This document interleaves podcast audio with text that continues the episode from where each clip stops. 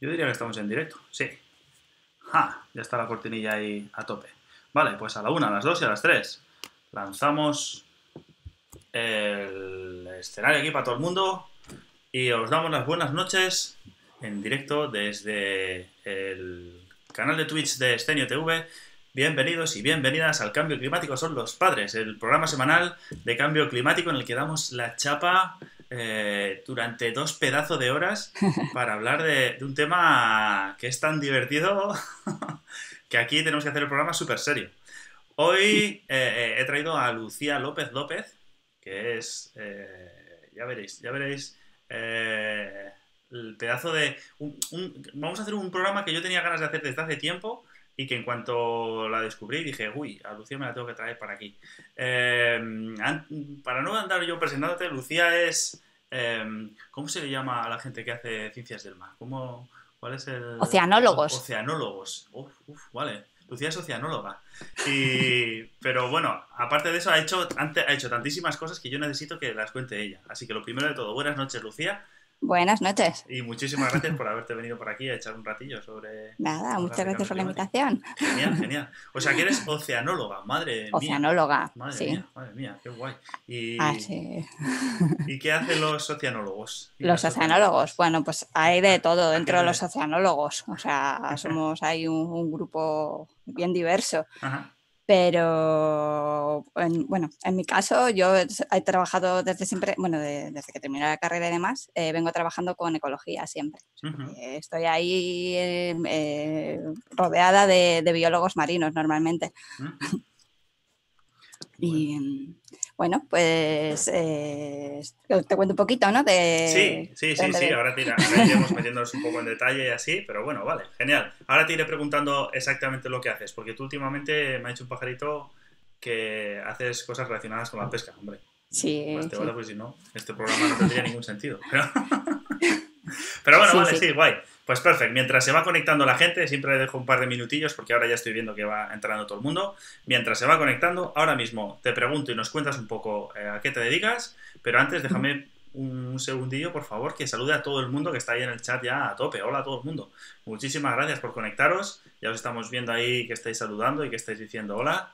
Em, así que nada, sentados, poneros las palomitas ahí y, arrancamos en, breves. Sí, me recuerda Paula que tenemos un botón, pero que es muy pronto, que acabamos de entrar ahora mismo, que hay un botón al que todo el mundo se puede suscribir, que ya tenemos un montón de suscriptores. Todo el mundo que veáis que tiene una estrellita en el chat es porque es suscriptora de- del canal de Estenio TV, así que os invitamos a todo el mundo a que os suscribáis y nos echáis un cable, ya os iremos contando todos los beneficios, que no son pocos a lo largo del programa. Bueno, está ahí, está Dani con Cthulhu y con, y con los pescaditos ahí a tope, ¿eh? Dani, no te pongas mucho... a tope, a tope. Vale, genial. Vale, es tiempo de pesca. Tiempo de pesca. Toca, sí, toca ahí salir. Hoy vamos a pescar unas Salimos a cuantas pescar. casas. A tope. bueno, pues entonces, ahora sí que sí, ya que estamos aquí en Vereda, ya he visto que se ha conectado ahí toda la, toda la peña, todo el equipo. Cuéntanos, Lucía, por favor, eh, ¿a qué te dedicas exactamente? Bueno, pues ahora mismo lo que estoy trabajando desde hace un año o así, que, que trabajo en el, en el Centro Oceanográfico de Baleares eh, y mm, hago, hago cosas de vulnerabilidad eh, de la pesca y de los ecosistemas marinos al cambio climático. Entonces, eh, lo que estamos intentando averiguar es a nivel estatal, ¿no? a nivel de, de- de España, eh, pues cómo las distintas comunidades pesqueras son más o menos vulnerables al cambio climático y, y también cómo las distintas comunidades de peces eh, son más o menos vulnerables al cambio climático. Y bueno, y además de eso, pues estoy metida en otras movidas de conectividad oceánica y, Eso y que, a- es que le ponen indicadores y Bluetooth, bla, bla, bla. wifi al mar o como... Para que en Pues el más o barco menos, sí. internet algo. Estamos ahí, siguiendo ahí a los bichillos a ver dónde van, A ver, a ver qué nos cuentan. Bueno, mola, qué guay. Bueno, bueno. Sí. Mola. Em, y entonces, bueno, entonces ya has, has hecho spoiler ya de lo que ibas, ¿eh? Porque yo le iba a dar aquí como misterio de a ver si tiene alguna relación la pesca con el cambio climático. No sé yo, Ah, joder. no sé yo. Perdona. no, no, no, no, no. Sí, era más que evidente. Yo aquí haciendo ahí una pantomima, está claro, ¿no?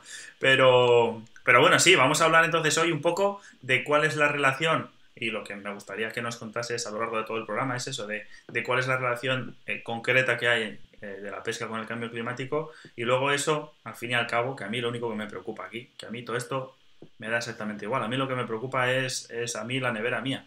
Eh, que si yo voy a tener aquí en la nevera para cenar mañana o no. sí, tú eres, eres, piscívoro. Yo soy parcialmente piscívoro, sí. Parcialmente piscívoro.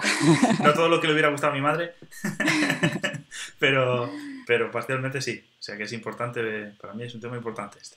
Muy bien. bueno, vale, guay. ¿Y, qué haces entonces? ¿Qué estudias concretamente? ¿Qué, em, eh, pues bueno hacer cosas así, eso, eh, ver un poco la, relación de la pesca que tiene con esto, con el cambio climático y así. Concretamente, ¿qué es lo que haces? Pues eh, bueno, estamos, trabajo en dos partes sobre todo, en, una parte que es así como más socioeconómica, ¿no? que es ver el impacto que tiene el cambio climático en el sector pesquero, bueno, socioeconómica, pero también tiene una parte ecológica, ¿no? porque al final, eh, pues indirectamente el sector pesquero también se ve afectado por los cambios que tenga, sufran los ecosistemas. Eh, y luego en otra parte más ecológica, que es ver eh, cómo cambian los ecosistemas. Entonces, en verdad están todos relacionados porque, bueno, pues como tú dices, que lo que queremos es llenar el frigorífico, ¿no? Al final nosotros no somos más que el último eslabón de las cadenas tróficas marinas, ¿no? Y con la pesca, pues eh, ahí estamos, queramos o no, ¿no? Estamos fuera del agua, pero somos el último eslabón. Entonces, pues lo único que tiene sentido o que tenía sentido para mí era pues, ver un poco las dos cosas, ¿no? Estudiar la parte más ecológica y también la parte más socioeconómica. Mm, bueno, bueno, bueno. Porque es que yo creo que no hay otra, o sea, es que no sé, no sé muy bien para qué estudiáis sino las cosas de los bichos del mar y esas movidas. Si no es para ver mm, las cosas del dinero y, las cosas del comer. El dinero. Hombre, tienen su importancia, ¿no? Al margen de, los dineros también, ¿no? A ver, Pero... ¿qué importancia tienen? ¿Qué importancia tienen? Bueno, pues eh, son al final hay mucho, o sea, no, la, la, la, proteína animal, o sea, la pesca no es solamente el, único beneficio de los ecosistemas marinos, tiene muchos otros, ¿no? De, pues, yo sé, de mantener, bueno, hay una parte más oceanográfica que es la de pues, los, em, las corrientes termoalinas y cómo redistribuyen el calor y no sé qué, que eso también está relacionado con el cambio climático. Eh, yo qué sé. Eh, pues eh, hay muchas especies que también eh, quitan contaminación del medio, ¿no? que son un poco como filtradoras y tal. O sea, mantener los ecosistemas sanos no solamente tiene que ver con, con proporcionar comida, bueno, y también a los que nos gusta pues bucear y, o, sin bucear, ¿no? Simplemente saber que todo está bien. No nos estamos cargando otra, otra parte del planeta. Que hay que cuidar a la Pachamama, claro que sí. Eso es la Pachamama. bueno, guay. Eh, estoy viendo ya que la gente ya se está calentando ahí en el chat, así que a tope. Hola, os doy la bienvenida a quienes os vais conectando y vais saludando por ahí. Estáis preguntando ahí por el dinosaurio, que me preguntabas esta Lucía justo antes de empezar ¿Qué, pasa con el Dino que tenemos? te, presento a... Tiene nombre, ¿no? Cabeza etal. Tiene un nombre binomial, lineano, totalmente. Sí, sí. Muy como, bueno. Como buen canal. Etal es el apellido. Etal, claro, eso es, Etal es el apellido.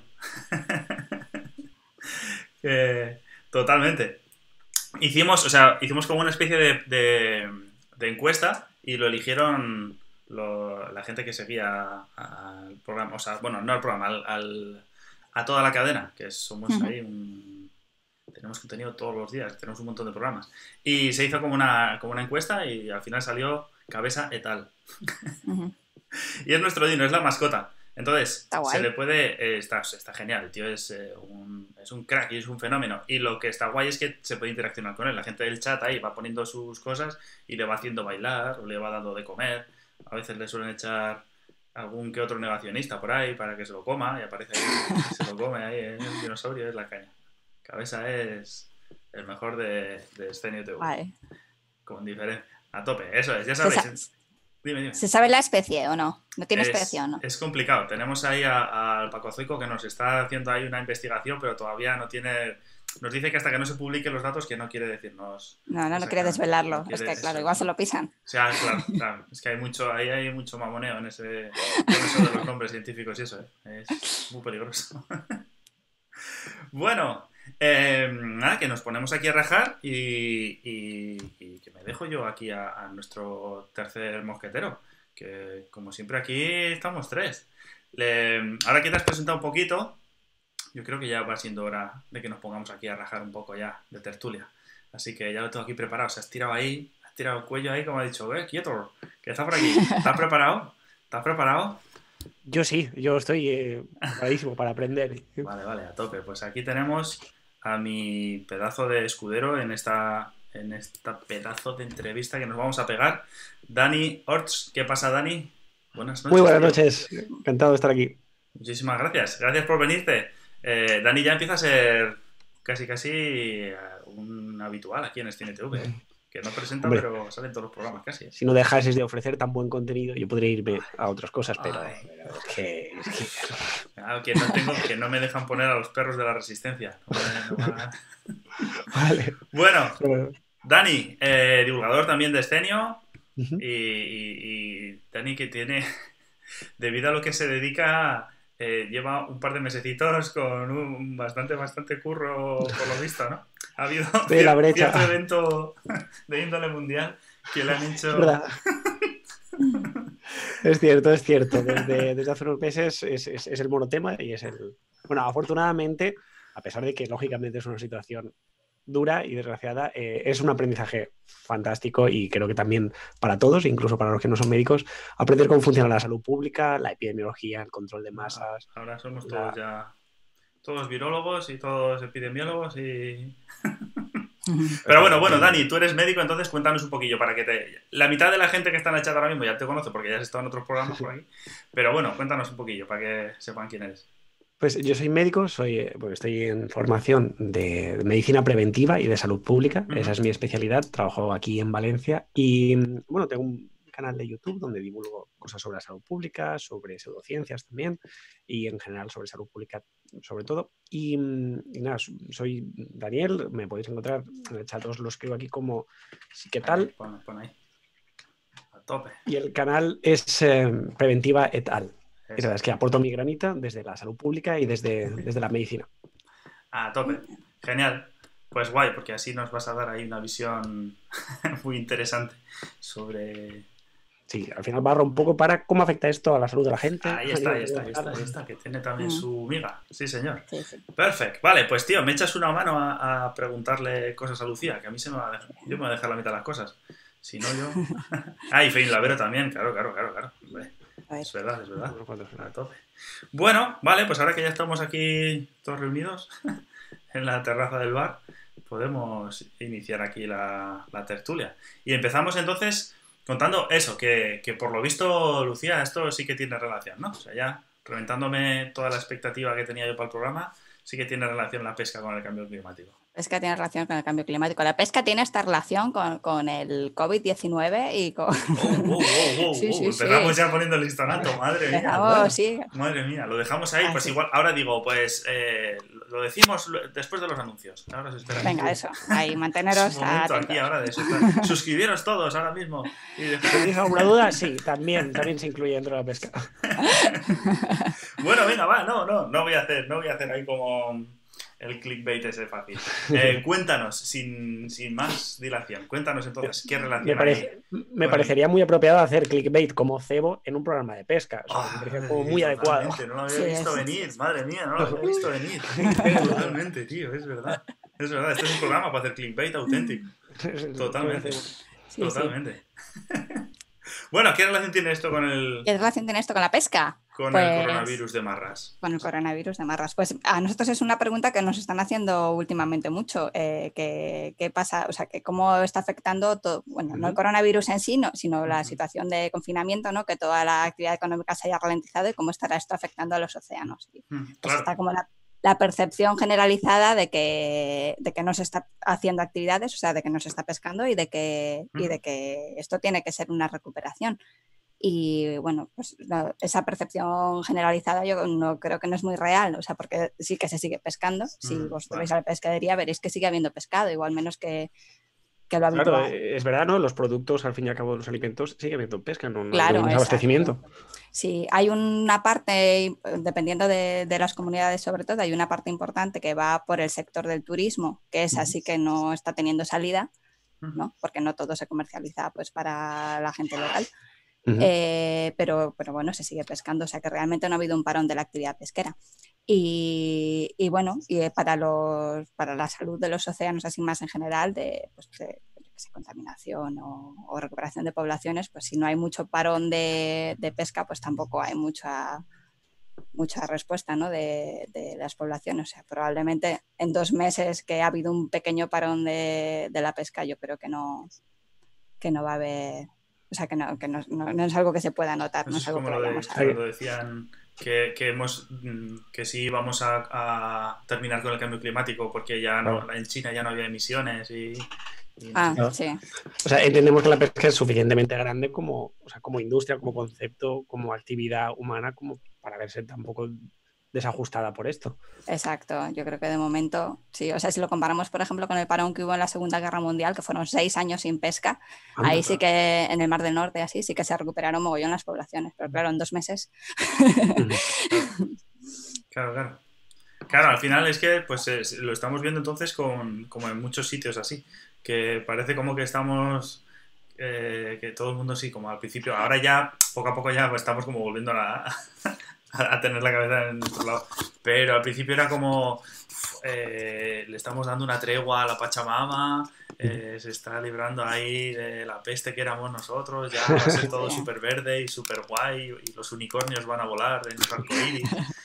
Y resulta que es que estamos viendo luego que cada vez que hablo con alguien de un campo, de un, campo, de un sector, lo que sea, me dice, a ver, que dos meses, macho. No, da si Llevamos aquí 150 años echando estiércol por todos los lados. en un par de meses no se nota. O sea que en la pesca tampoco dices que se nota. Mm, no, hombre, ha habido un parón, sí que se ha notado, pero ha habido un parón de, ciertas, pues, ciertas embarcaciones, algunas, algunas em, algunos puertos sí que pues, están más cerrados que otros, pero, pero vamos, sigue habiendo actividad. Bueno, bueno. bueno. Eh, joder, fíjate. Qué curioso. Que entonces eso, bueno, volviendo entonces al, cambio climático, al, tema de marras también. Es, es, es, como el cambio climático es como el coronavirus, pero de los martes por la noche. Claro, eso es decir, de, de, fondo ha habido una alteración de la pesca por el, por el cambio climático. Ahora ha sido otras reglas del juego, pero entiendo que en los últimos años se ha precipitado más o cómo ha afectado. Al fin y al cabo, eh, ver el impacto en el ecosistema es, es todo objeto de estudio y parece súper interesante. Eso, ¿le afecta, por ejemplo, a, todo, a toda la pesca por igual eh, el cambio climático? No, no afecta, yo creo que no, no afecta a todo. para empezar, no, afecta tampoco a todas las especies por igual, ¿no? O sea, si hablamos de, los ecosistemas, ya, o sea, que son indirectamente los que afectan también a la pesca, pues hay especies que son más tolerantes pues, al aumento de temperatura y a, los cambios en las salinidades y demás y hay especies que son menos tolerantes. Entonces nosotros lo que, lo que hemos visto es que hay algunas especies que se están moviendo, que están cambiando sus distribuciones.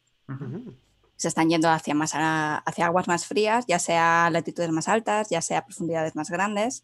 Y hay otras especies que parece que de momento pues están ¿sabes? como que se van adaptando y no, no parece que tengan esa necesidad de, de, migrar de momento. Bueno, y luego están las que son sésiles y no pueden migrar, vamos, o sea que no, hay poca historia. Porque en principio uno de los factores claves es el calentamiento del agua, por lo tanto el desplazamiento de, de hábitats en cuanto a temperatura.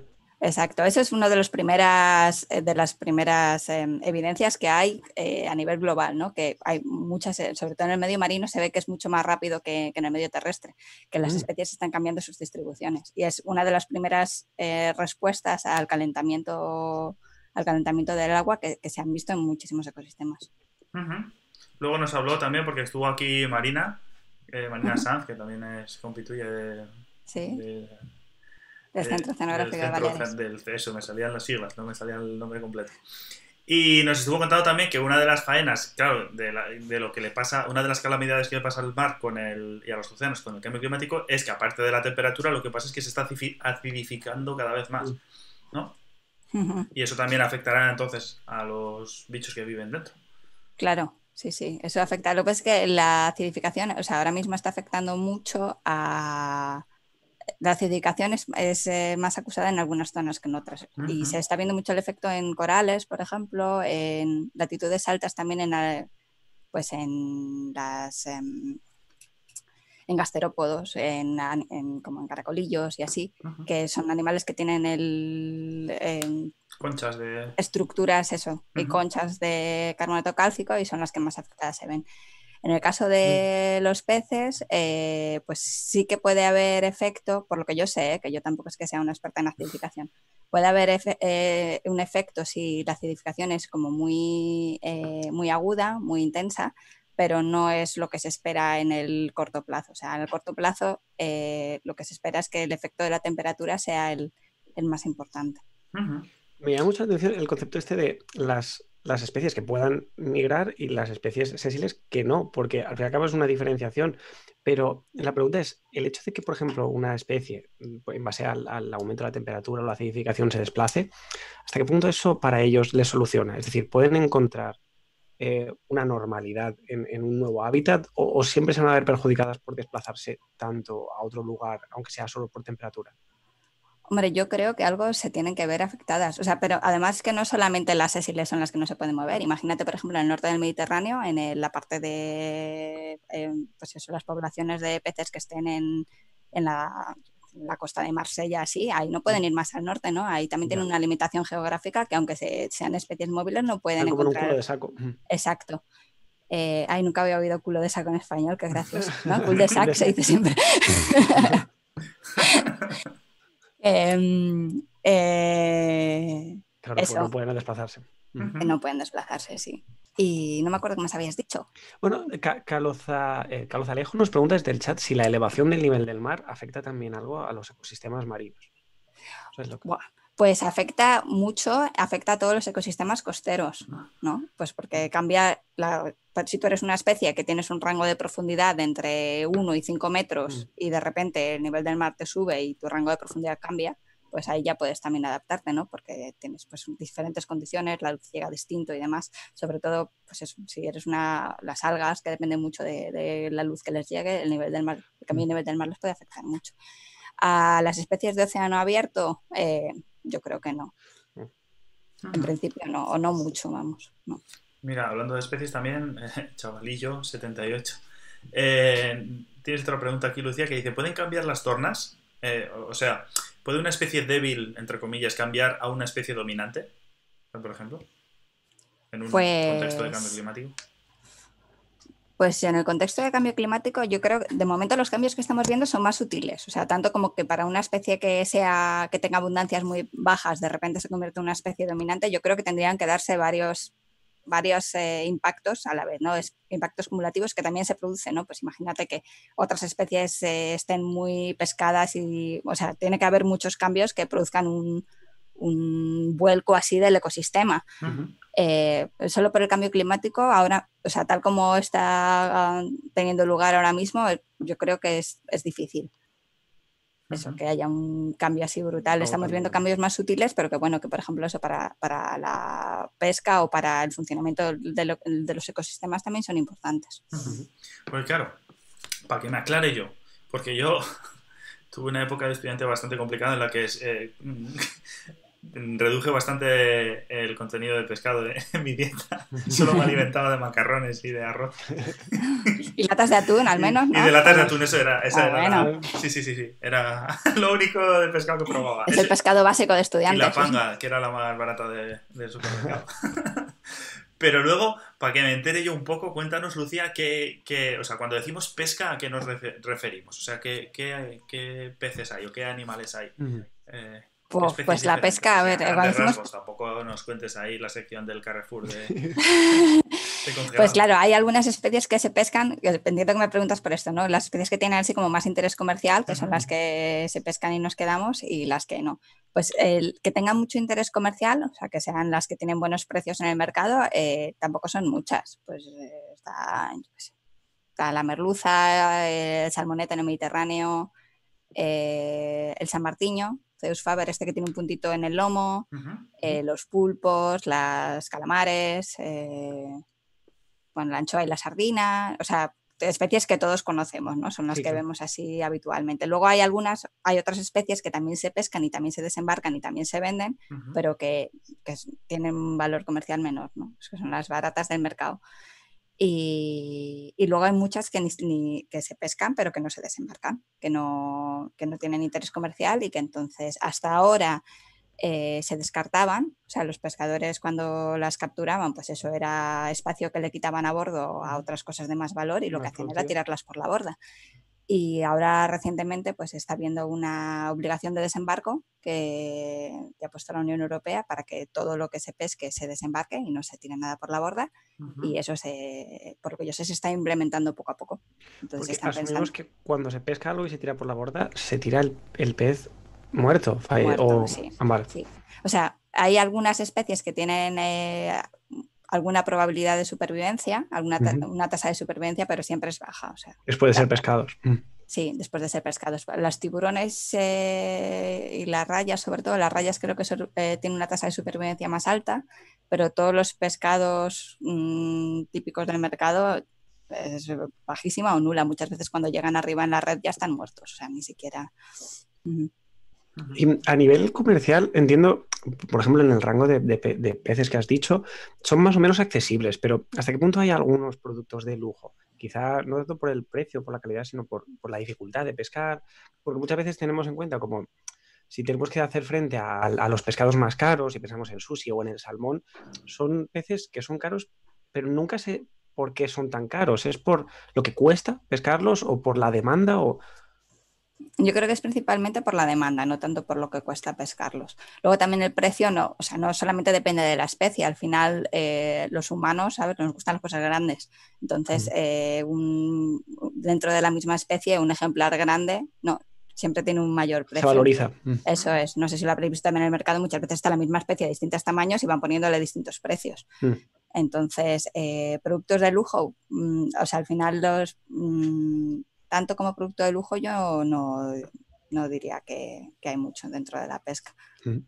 Mira, pregunta Paula, porque eh, claro, aquí en este TV tenemos un poderío que no veas y nos ven desde todos los puntos del planeta. Paula está, si no recuerdo mal, en Chile, corrígeme si me equivoco. Eh, entonces pregunta, ¿cuáles son los, más caros en España? Para hacer los productos de, la pesca más caros. Hmm. Anda, Chile. Hola, pues, Paula. Eh, pues lo tendría que consultar para no meter la pata, pero. Bueno, aunque sea así en general, igual no por ejemplo, ahora, pero dentro de. Por decirlo así. Eh, pues eh, la. En el norte, por ejemplo, la centolla es cara, siempre lo ha sido. El San Martín, el pez este del punto que os decía, también siempre ha sido caro. ¿Qué más? Los besugos, ¿no? El besugo tiene un precio de mercado alto. A mí me suena como el bonito del norte es lo que la publicidad el bonito también, sí. El, bonito, bueno, el bonito no es de los que tiene precio. Por ejemplo, el atún rojo, que es el que se pelean los, eh, los japoneses por ello, sí que tiene un precio mm. más alto, ¿no? El, bonito también, pero no tanto, porque no se aprecia tanto los ejemplares tan tan grandes, no se pescan. Em, carabineros, el rape, dicen por aquí en el chat.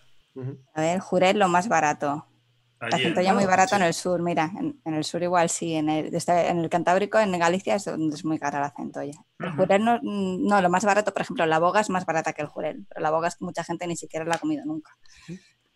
Sí. Porque al final, como, como, lo que comentaba Alberto, de la panga es un poco el típico eh, pescado de supermercado barato, al final, ¿por qué es tan barato? ¿Cuáles son las razones que hay detrás de que pueda costearse tan bajo? Ya, eso da miedo, ¿verdad? O sea, yo lo pienso. Porque además la panga no se, no, se cultiva aquí, es secado de piscifactoría y suele venir de mm. fuera. Entonces dices, bueno, que lo tengan que hacer crecer en otro sitio. Además, los pescados de, de acuicultura casi todos son carnívoros. O sea, es como si tuvieras, mm. ¿sabes? Una granja de lobos y les tuvieras que dar de comer ovejas. Cuesta más. O sea que eh, esta panga que viene de otro sitio, luego todo el transporte y, tiene un precio bajísimo. Eh, bueno, la, globalización, pero bueno, también a... Pero mal. Pero mal, globalización mal. Eh, que no sé, ha llegado el momento, estabais avisados. me comunican por el ah. picanillo que hay que echar un trago de agua. Perfecto, vuestra salud. Ahí estamos, a tope. Bien, bien, gracias. Mis mis dotes de camello se están reduciendo mucho desde que presento programas aquí en este medio. José Ramón nos comentaba en el chat que el pulpo subió una barbaridad de precio porque se puso de moda en Estados Unidos. Y, claro, entiendo también que a veces hay, modas. O a lo mejor que quizá con la globalización también ha venido la moda del sushi y se ha podido distribuir los, los digamos, los ámbitos de, precio de pescado a, más gente. Claro, es al final el comercio de pescado es, eh, es, es, global, ¿no? Bueno, como el de toda la comida, pero ¿sabes? si te pones a pensarlo, mm, no tiene ningún sentido que nosotros, por ejemplo, estemos exportando eh, merluza de, de, aquí y estemos importando merluza de otros sitios congelada. O sea, hay, hay ¿sabes? Una, eso tiene una huella ecológica totalmente absurda. Es un circuito roto. Exacto. Y en el caso de los cefalópodos, bueno, aquí comemos siempre se el pulpo, los, los calamares y demás, ¿no? Pues aquí tenemos una tradición culinaria de que se comen, se cocinan y en otros países lo que hacen es vendernoslos a nosotros. O sea, por ejemplo, toda la flota británica, todos los cefalópodos que, pesca, los, venden aquí en España. Te preguntan por aquí qué ha pasado, si ha habido alguna movida con la panga, que si la habían prohibido, lo habían restringido, algo. ¿Había pasado algo con eso? ¿Con la panga? Sí. No, que yo sepa, ¿no? Vamos a ver. Que hubo...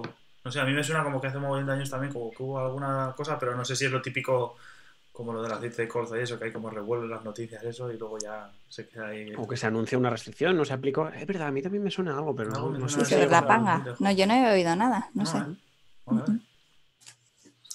Bueno, em, claro, porque eso es otra movida, la de eh, que no sé si tiene alguna relación directamente con el cambio climático, pero de alguna manera estará influido. Eh, la cantidad de metales pesados y de cosas así que hay aparte en el mar. pues. Eh, nos lo llevamos al plato, ¿no? Lo llevamos al plato, sí, totalmente. y acaba dentro de nosotros. Eh, que por relación con el cambio climático, al final es que todo está un poco relacionado, pero los efectos en, eh, los ecosistemas son, son cumulativos, ¿no? O sea, no es que no van por separado. Tú si tienes por un lado que, hay mucha pesca, que hay cambio climático y que hay mucha contaminación, el, impacto de las tres cosas juntas es mucho mayor del que sería de las cosas por separado, ¿no? De los impactos por separado. Entonces, no está relacionado y sí que está relacionado al final, porque lo que hace es, o sea, no sé si... Mm, igual ahora estoy haciendo yo spoiler, pero hay por ahí un, un trabajo muy interesante que dice que, mm, que eh, una de las principales acciones climáticas sería acabar con la sobrepesca. Y es justo por esto, ¿no? Porque las, eh, las, los impactos están relacionados. Entonces, si acabas con uno de ellos, estás disminuyendo el, efecto de, los demás.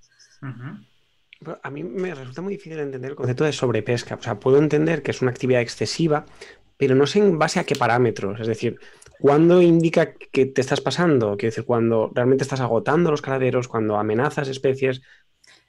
Sí, pues, eh, a ver, en, nuestro centro, eh, bueno, yo, yo, trabajo en el Centro Oceanográfico de Baleares, pero es parte del Instituto Español de Oceanografía. Y una de las cosas que, hacen mis compañeros, eh, bueno, algunos de mis compañeros, es asesoría en pesquerías. Entonces, ellos se dedican a, a estudiar cuántos eh, peces hay en el mar de las distintas especies, cuántos son reproductores, cuántos huevos ponen y calculan más o menos cuánto biomasa de reproductores va a haber al año siguiente.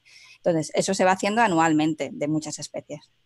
Y entonces, eh, en base a eso, a esos estudios que se hacen de la cantidad de reproductores, de las condiciones ambientales, de cuántos huevos va a haber, pues eh, hacen una recomendación de cuánto se puede pescar. Ah, claro. ¿Cuánto puede aguantar esa población? ¿Cuánto puede aguantar esa población? ¿Cuál es la capacidad de carga? ¿Cuánto se puede capturar para que se mantenga la, la, población de reproductores para que no disminuya la abundancia?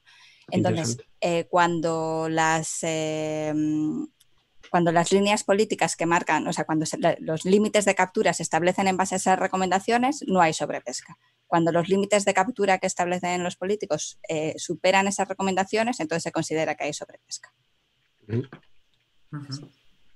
Y ahora mismo en el mundo, ¿cómo está ese, ese percal? ¿Eso es algo anecdótico? no, para nada. Eh, pues eh, ahora mismo, por lo a ver, según las últimas estimaciones que conozco yo de, la FAO, de la la FAO, la Organización para Agroalimentación. la alimentación. Y... la alimentación y, em, hay más de un 30% de los recursos a nivel global que están sobreexplotados. Mm. sobreexplotados. Y bueno, podías, podíamos pensar que como en Europa, ¿no? Pues como somos eh, países pudientes, pues íbamos a estar mejor, pero la situación en Europa está igual o, incluso peor en el caso del Mediterráneo. O sea que... Madre mía. Sí, sí.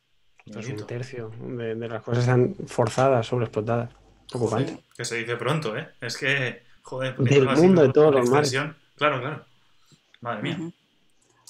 Pues eso ayuda a poco, me caen 6-10. Si hubiera pocos marrones encima, ya ves, ¿eh? joder. Bueno. ¿Y eso por qué? O sea, quiero decir, ¿qué sentido tiene? Si, a ver, si viene alguien que sabe, que lo estudia eso, y dice, a ver, yo he contado que hay 100, y si pescas 53, pues, pues si estás así 10 años, pues al final no queda ninguno, pero si pescas 50, pues luego vuelven a salir. si, si te lo dicen así, ¿por qué? ¿Por qué pasan esas cosas? Que yo no pues yo, yo, tampoco lo termino de entender. O sea, ya hay muchos, eh, supongo que hay muchos intereses y los peces no votan y tal. Pero, eh, pero es el que al final es eso, es pan para hoy, hambre para mañana. O sea, no, o sea, la, lo, entendible o lo que esperable sería que, vale, si venimos de una historia de sobrepesca, al menos que veamos que las tendencias van mejorando y que cada vez vamos sobrepescando menos.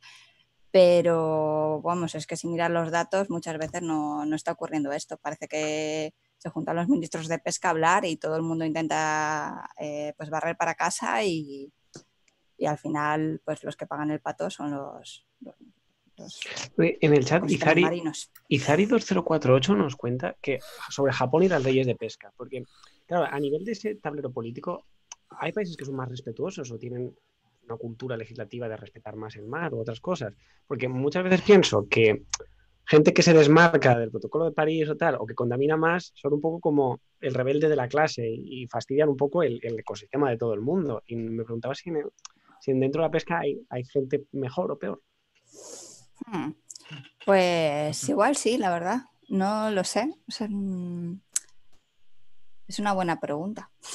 No, me entiendo que quizá, yo sí que tenía la sensación de que Japón, quizá por, por tener una cultura gastronómica mucho más potente en el pescado, quizá fuese más respetuosa, aunque no sé, luego, luego la realidad es distinta al final muchos los países, los países desarrollados y sobre todo los que tenemos una, tradición gastronómica de consumir pescado, lo que hemos ido haciendo es ir expandiendo nuestras pesquerías y, y al final somos o sea, ya, ya, no solamente por la sostenibilidad de las poblaciones de peces, sino por, la sostenibilidad del consumo de pescado en sí, somos de los menos ecológicos, ¿no? Pues nosotros tenemos pesquerías lejanas operando en Patagonia, en, yo qué sé, en el Canadá, en el Índico, en, igual que los japoneses, pues compran cosas de pescado de aquí. O sea, hemos ido expandiendo y, y somos de los menos, o sea, no es que seamos los. No,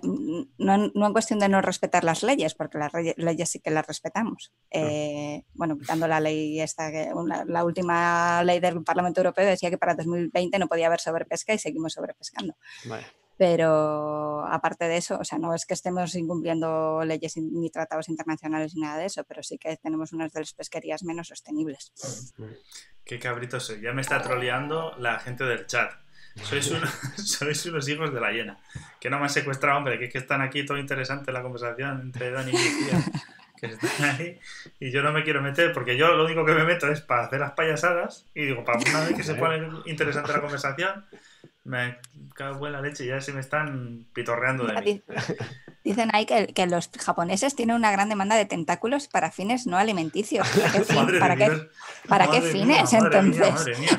Madre, no me lo quiero ni imaginar, por favor. Yo ese no lo, conocía. Yo tampoco. mejor no conocerlo. Ya, no sé si quiero, es verdad, no sé si quiero saberlo, ¿eh? o sea, ¿eh? Uf, uf, no sé si quiero saberlo, sí, la verdad es que no sé si voy a preguntar. Bueno, si alguien lo quiere poner, que lo ponga, pero no lo voy a, instar mucho. Mira, te pregunta Lucía, eh, que claro, las piscifactorías, ¿cómo lo ves? ¿Que eh, pueden ser una solución o no? Porque dices, bueno, si nos estamos cepillando todo lo que hay en el mar, pues chico, esto es como cultivar, eh, como tener tu huertito, que en vez de coger los frutos del bosque y acabar con ellos, tú te lo cultivas en casa y, no es tan problema, ¿no? ¿Cómo? Cuéntanos un poco, háblanos sobre las piscifactorías. ¿Son solución? Pues ¿Son parte del problema? Eh, solución, pues pueden ser, en parte podrían solucionar un poco, pero a mí me parece que a grandes rasgos tampoco son ninguna panacea. Para empezar, por lo que os decía, que, la mayoría de las especies que, se cultivan en piscifactorías, las que tienen alto valor comercial, eh, son también carnívoras. Entonces, muchas veces lo que se hace es ir a pescar al mar para hacer pellets de alimento para darle a los peces de la piscifactoría. Uh, Somos genios, ¿eh? Somos genios, ¿eh? Y creo que la proporción va más o menos que tienes que darle 3 o 4 kilos de alimento a un pescado para producir un kilo de pescado. Entonces, si. Somos puñeteros genios. O sea, nos sale la ecuación, vamos, nos sale a pagar, ¿eh? Es utilizar peces para alimentar peces. Eso, eso, es. O sea, es tener una granja de lobos. Ah. Entonces, eh, depende de. Depende. Pues hay algunas especies de, de. Algunas especies que tienen crecimiento muy rápido. Y bueno, esas pues es que no, no, o sea, tampoco es que yo, yo no soy muy fan de la, de la de los peces de piscifactoría, porque me parece eso, que bueno, que puede ser la solución a, una parte del problema, pero al final es como no, se puede apostar todo por algo que tampoco es realmente sostenible. Eso preguntaba un poco, que si era una cuestión sostenible o no. Pero claro. Incluso yo me, me, planteo las piscifactorías en lugares sin mar, porque me resulta ah. extraño lugares, por, como decía Chavalillo 87, 78. Eh, lo que estoy sorprendido es que Medina del Campo en Valladolid sea una potencia en la cría de langostinos. ¿Cómo puede a, nivel de infraestructura crearse una piscifactoría en un lugar seco, en ese sentido? O sea, necesitas, mm, creo, supongo que necesitas mucho más o es artificial. Pues supongo que estarán creando agua artificial, de agua de mar artificial. La verdad que no lo sé, pero a mí esto, lo mira, esto de Medina, Medina del Campo, ¿has dicho? Es, lo, es lo que nos comentaba. No, no lo, no lo conocía, pero eh, tú ten en cuenta que también las, las piscifactorías generan muchos residuos, ¿no? Y por ejemplo, pues ahí los residuos que tengas de agua salada no se quedan con ellos en Medina del Campo. No sé. Pues pero incluso en el, en el, mar, bueno, se está ahora, por ejemplo, para hacer las eh, piscifactorías más sostenibles, está, se está investigando bastante con em, eh, cultivos, creo que lo llaman cultivos accesorios, igual se llama algo distinto, pero la idea es que a la salida del agua de, la especie que estás creando en la piscifactoría, lo pasan por una serie de tanques en los que están otros animales que son filtradores y que viven de eso, entonces producen más biomasa. Uh a través de eh, los desechos, digamos, de los peces. Mm. Y bueno, esto yo sé que se está investigando, no sé en qué, no sé si algunas piscifactorías igual ya lo tienen incorporado en, sus líneas de producción o no, pero bueno, pues es algo también interesante que se pueda producir biomasa de algas o de mejillones o de yo qué sé, lo que sea. Claro, nunca había pensado cuáles eran las entrañas de una piscifactoría, pero me resulta muy complejo pensar todos los inputs, todos los outputs, cómo sale el residuo. Nunca me había llegado para pensar cómo se compone, al menos ni siquiera la estructura general de una piscifactoría, que supongo que es súper Claro, las que están cerca de la costa lo que suelen tener es una entrada de agua marina y una salida. Y ya. ya. y tienen todo el proceso en medio, claro. Y todo el proceso en medio, eso es. Claro, claro, pero ahí tira, tira ahí toda la cañería gorda desde Medina del Campo. ahí, anchas Castillas, sí, ya puede serlo. Con acueductos ahí tirando. Totalmente. Joder, chaval. Bueno, que tenemos a Nevesu ahí en el chat. Hola, Nevesu, ¿qué tal? ¿Cómo estamos? Dice a mi abuelo, comentario así familiar. A mi abuelo le costó mucho aceptar que los chanquetes no se pueden comer porque son alevines de otro pez. Y si se pescan alevines, luego no hay peces grandes que se reproduzcan y, que den lugar a más chanquetes, obviamente. No se los, los, los pezqueñines. Los pezqueñines. Pezqueñines no, gracias. Tenía. ¿Eso, eso era simplemente una campaña así de publicidad o eso tiene fundamento de verdad? No, no, eso tiene fundamento y mucho. Y, eh, muy hondo. Muy hondo. Claro, claro, todo el mundo le dices pezqueñines y dice, no, gracias. Sí, no, hombre, está claro. O sea, los pequeñines lo que intentaba era evitar que la gente comprara peces, pero no por debajo de la talla mínima. La talla mínima es la talla de primera reproducción. Los peces cuando son pequeñitos, cuando son juveniles, eh, no se reproducen y cuando llegan a una talla empiezan a reproducirse. Y entonces, claro, si los compras demasiado pequeños, o sea, si se pescan demasiado pequeños, no le das tiempo a que se reproduzcan y pongan huevos y den lugar a más peces. Pero bueno, o sea, si compras la talla mínima, en algunos casos en el Mediterráneo, por ejemplo, la talla mínima es más pequeña que la talla de primera mm. reproducción. O sea que puedes estar comprando peces totalmente legales, pero que todavía no se han reproducido nunca. Claro. Y eso O sea, también somos genios.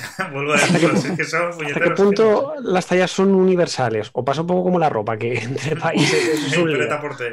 No, no, es, es un lío totalmente. Hay tallas en, eh, en España, hay tallas distintas para el Atlántico y para el Mediterráneo, porque en el. Mediterráneo eh, los peces se reproducen a tallas más pequeñas por la temperatura del agua. Claro. Sí, ya te digo yo. Si con el marrón que es para mí irme a comprarme unos vaqueros y encima me dices que con el pescado también. Sí, sí. Y de hecho, la gente, yo originariamente soy de Cantabria y cuando vienes al Mediterráneo y ves la pescadería y dices, pero si todo esto es enano, es pequeñísimo. y supongo que a la gente de aquí le pasa lo contrario, ¿no? Claro. Joder, claro, claro. Madre mía. Eh, preguntan, claro, porque habéis estado hablando de las piscifactorías de agua, de agua salada, pero ¿y las de agua, ah, las de agua dulce? ¿Qué pasa con ellas? Las piscifactorías de agua dulce. Pues más o menos parecido, ¿no? El salmón que yo sepa también come, también es carnívoro. Mm, O sea, también habrá que hacer, sacar carne de algún lado o pescado de algún lado para dárselo. Es que mira, que es que somos, es que somos, que es de verdad, que es que parece, o sea, que nos den el premio Darwin a toda la humanidad ya, por favor. O sea, solo los, o sea, lo, lo- el pescado que más nos gusta son los superdepredadores, o sea, los, los de arriba del todo. Venga, aquí sin Son miserias. sobre depredadores y cuanto más grandes mejor, además. Ahí, a tope, Sí. a tope. que no que caiga la fiesta. Madre mía, socorro. Eh, ¿qué estás por ahí? había por ahí un trabajo súper interesante que decía que al final, o sea, comparándonos con el resto de- del reino animal, que nuestras tendencias de depredadores que son totalmente distintas, Somos porque imbéciles. nosotros, El depredador somos- imbécil. nosotros somos imbéciles. exacto. El ser humano, el depredador imbécil. Como nosotros predator. eslogan de la especie. Siempre intentamos ir a por los animales, pues eso, más grandes, más, eh, más robustos, que se les ven más sanos y tal, mientras que el resto de depredadores es justo al revés, ¿no? Van ahí Temperatura, eso es. Van a por los débiles, a por los que parece que están enfermos, a por los que corren poco. Entonces, Si, si Darwin estuviera vivo, estaría como Fernando Simón. O sea, estaría así en plan, pero. ¿Qué, coño? Por favor. Pero Es ¿qué como esos chihuahuas que se meten siempre con los perros más grandes eh, conciencia. O sea, es que de verdad que poco, poco nos pasa por lo que nos merecemos, ¿eh? Es que madre mía, madre mía. Eh, dicen, sí, mira, dicen que para el salmón, por ejemplo, que le deben de echar alguna comida, alguna movida, para que se ponga como más rosa, porque nos gusta la comida encima, que, que cuanto más rimbombante, más de color inchi sea y más llamativa. Eso, es verdad, también lo había oído yo, la, la pigmentación artificial de cara a, a- a lo que tenemos como el producto de salmón. Claro. También es el color del salmón y es. No, el salmón- a ver, el, el salmón naturalmente, el salmón de Noruego, el salmón de los ríos, eh, tiene ese color rosáceo por, por la alimentación que tiene. Pero claro, si tú lo tienes en una piscifactoría y les estás dando pellets de pescado de anchoveta peruana, pues eh, el color que coge es distinto. Entonces, eh, para que coja el colorcito ese naranja que, que parece así como más salvaje, sí que les dan algún colorante. Ahora mismo no sé cuál es. Pregunta que si podría ser krill o algo, pero ya sería ya. No sé. No, sí que hay, sí que hay pesquerías de krill, pero no sé, no sé para qué. no, Yo juraría que no se usan para producir harina de, eh, para pescado. Se usan, tienen algún otro uso. Yo más top, más. Recuerdo no vagamente el krill como, como una especie de, de sopa muy fina de, de peces de pequeño tamaño, pero nunca he tenido claro. O sea, supongo que eh, lógicamente a nivel de ecosistema tiene su utilidad, pero ¿cómo nos aprovechamos nosotros del krill? ¿Es para alimentar a otros peces? Pues eh, no, o sea, tampoco hay muchas pesquerías de krill. ¿eh? Hay algunas en el, en el mar de Escocia, en, eh, en el océano Antártico. eh, y no sé, no sé si lo usan eso para hacer harina de pescado o si tiene algún otro uso en, pues yo qué sé, porque en- creo que alguna vez vi yo pa- pastillas de omega 3 o omega 6 que venían Ah, de krill. No sé si tiene algún uso así más de nutrición o, Puedo utilizar los ácidos grasos concretos. Exacto, no, no estoy muy segura, pero no, no son, de momento no son grandes pesquerías y, y esperemos que nunca lleguen a serlo, porque al final, pues el krill es la base de, ¿no? es la base de la cadena trófica, es la alimentación de muchos otros organismos allí. Si vamos a pescarlo, pues. Estoy viendo que ha calado la frase, te han hecho ya, eh, lamento decirte Dani, que han hecho, bueno, no sé si va a ser un meme o qué, pero han registrado tu frase Homo sapiens, el depredador estúpido, como, como Hombre, la, la, puesto, la, he puesto yo, Alberto. O sea, Totalmente. Sí, sí, sí, pero que ya ha pasado, ha trascendido. Es que me acaba de llegar así por el pinganillo. Eres tú, el autor, hay que reconocerlo. Reconozco la autoría, no, me la puedes robar. No, tengo, no me siento orgulloso de haber dicho eso. que estoy viendo que lo están poniendo ya por el Discord de suscriptores. Y lo cual me lleva a recordar que hay un botón aquí en el que todo el mundo se puede suscribir, por favor, el botoncito morado que está por ahí, por ahí abajo, eh, en el que la gente os podéis suscribir, o bien directamente, o bien si tenéis una cuenta de Amazon Prime, podéis asociarla con esta, porque Twitch es de Amazon, entonces la podéis asociar y así gratis os podéis suscribir. Y a nosotros nos viene muy ricamente Em, y luego vosotros también, la gente tiene un montón de, beneficios, como por ejemplo esos emotes tan chulos que está usando ahí el propio Dani, de ahí un botón. Eh, y luego también es que tenemos un canal de Discord con solo con los suscriptores, es que de ahí viene toda la movida que, está yo ahora mismo desbarrando. Que entonces hay, un, hay una conversación, generalmente en los programas, eh, está Lucía, te lo digo a ti para que no alucines, porque igual ves como cosas que no tienen mucho sentido de repente, es que suelen haber conversaciones paralelas. O sea, la gente está aquí en el chat, pero luego también está en el canal de Discord, que, es otra aplicación que tenemos, y están hablando ahí conversaciones paralelas. pero eso solo lo hace quien, quien está suscrito. Es como, hay como un espacio privado. Un comedor de instituto, hay mucha gente hablando de muchas cosas mientras sí, pasan. Totalmente, totalmente. Y es que justo me ha llegado la notificación que, que alguien estaba poniendo ahí la frase esa de el depredador estúpido. Bueno, aquí eh, veo que alguien que está diciendo que los flamencos comen krill. Eh, no, ¿eh? ¿Comen los flamencos? hombre, los flamencos no viven en. El, krill eh, vive en zonas más profundas, de, ah, en aguas frías, sobre todo. Los flamencos tienen el colorcito ese rosa por, por una, una bacteria de las. Creo, ¿no? No es una bacteria, comen dapnias, comen cladóceros mucho, cosas de agua, de agua salobre, de agua dulce, otro, otro tipo de bichillos. Sí. sí. son otras gambitas rojas. otras, gambitas, no, krill, no krill. El krill es el de las ballenas, el del mar abierto. Eso, no de los flamencos. Sí. Ah, pero bueno, el colorcito rosa nos gusta para todo, para los flamencos, para el salmón, para... Yo creo, ¿Cuál es, ¿Cuál es vuestro pez favorito? Uy, qué pregunta. Buena, pregunta, ¿eh? Joder. Eh, yo te digo, te digo. Sí, sí, yo tengo uno, ¿eh? Ah, sí, hostia, qué guay. Pues, sí. adelante, adelante. Mi, favorito, o sea, no es un pez en sí, es un grupo de peces, son los peces linterna. No sé si uh. los conocéis. Uh, Estos que viven a mucha profundidad, que tienen unos puntitos de. Que son muy, muy guapos. los que tienen el ganchito aquí. Ah, no. No, tienen unos puntitos, unos fotóforos, unos puntitos de luz en el abdomen y cada especie tiene un patrón distinto. Es como si tuvieran un tatuaje de luz. Entonces, como viven ahí a mogollón de profundidad, en la oscuridad, pues se reconocen por los puntitos. Es una pasada. Wow. Joder. Qué flipe. ¿El tú, Dani? ¿Tienes pez favorito? Pues no conozco mucho, pero siempre me han parecido muy interesantes las, las mantas. La manta raya, por, por esa forma tan aplanada. De pequeño era me sigue pareciendo fascinante. Es como, no es un pez a lo largo, es un pez a lo ancho, ¿no? A lo plano. Y me, llama mucho la atención estéticamente. Joder, que... Unas líneas. Ya, es una pasada, tío. Verlas así nadando y eso. los documentales esos que salen. Sí. Bicharracos gigantes. Un tamaño brutal. Son masivos. Sí, además es verdad, cuestión de tamaño. Sí, además van en grupo que, ¿sabes? Como que impresionan más, todavía. Te cruzas con uno, bueno, pero te cruzas con 50. Uf. Buah, chaval, se, tapan el sol si estás por debajo. Joder. Totalmente.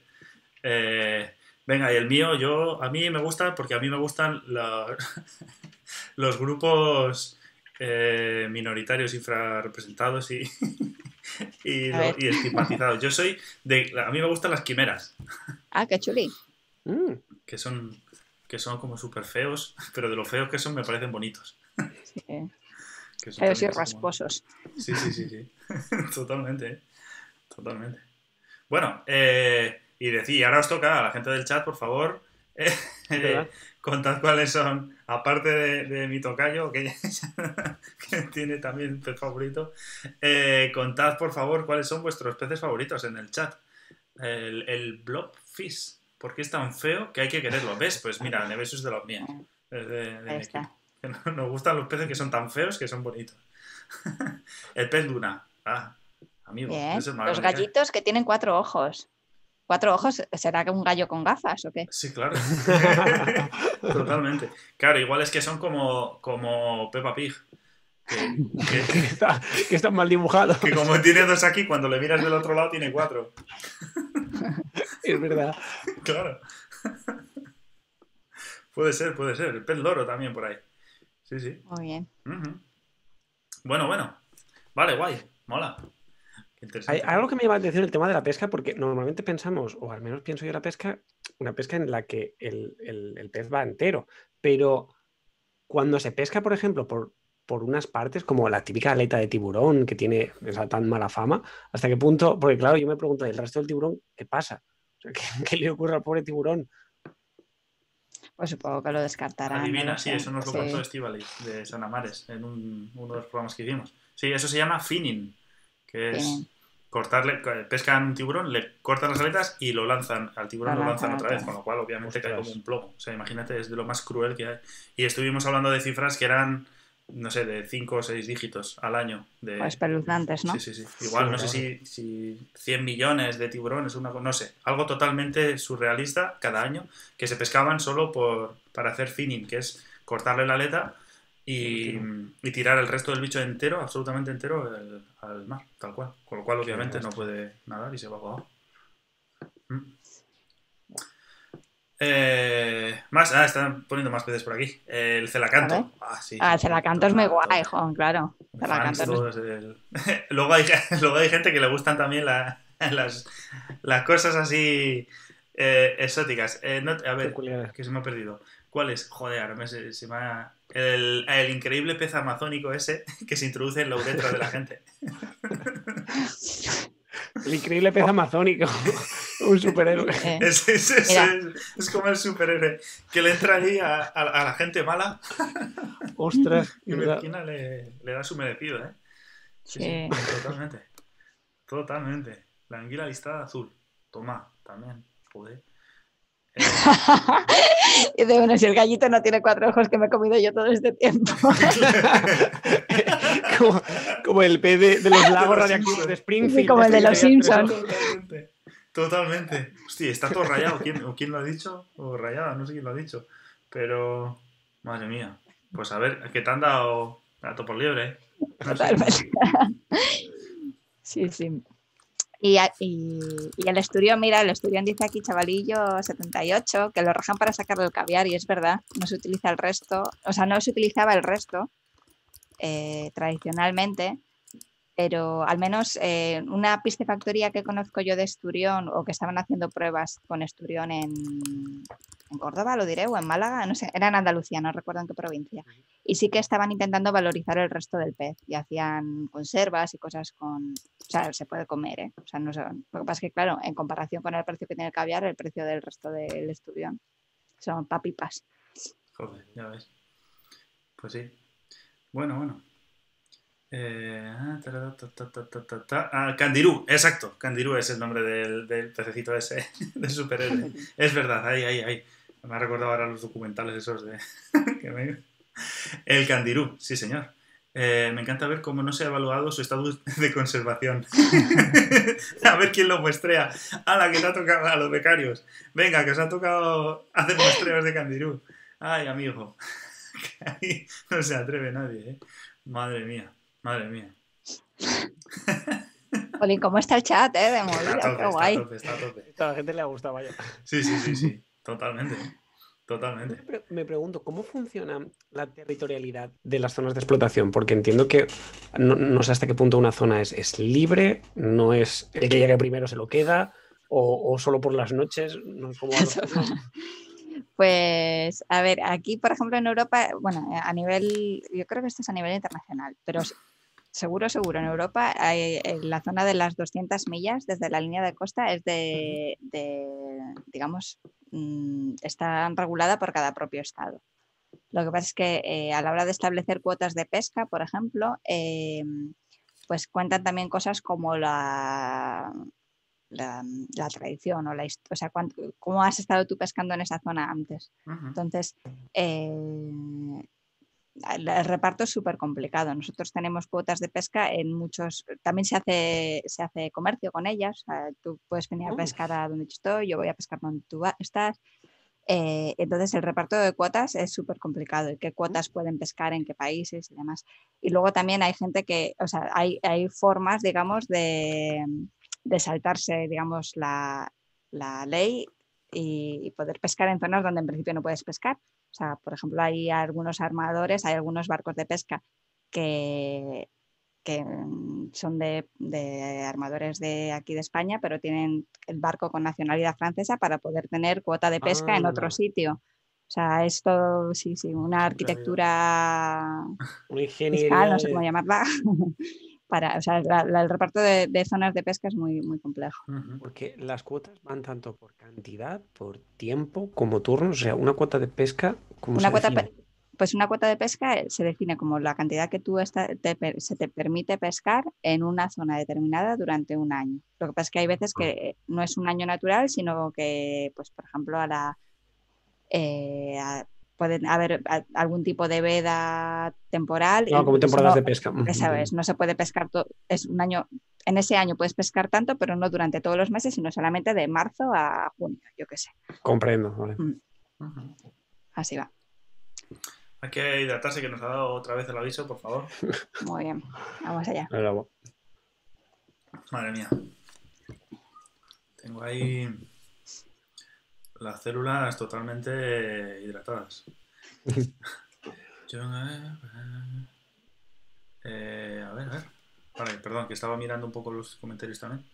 Eh, ah, mira, la salsa favorita de, de Kratos es el pez top. por favor, la policía de que venga por aquí. Bueno, eh, no sé ya, ya se me ha perdido el hilo. ¿De qué estábamos comentando? De. Después de los peces preferidos los peces preferidos. Ah, bueno, una cosa que. Zonas de pesca. Sí, zonas de pesca y eso. Eh, porque tú, una cosa que, nos lo has comentado antes, pero quiero que, nos hables un poco. Tú, cuando, claro, parte de tu trabajo consiste en ir en barco, en hacer campañas, eh, e irte ahí de aventura en el barco.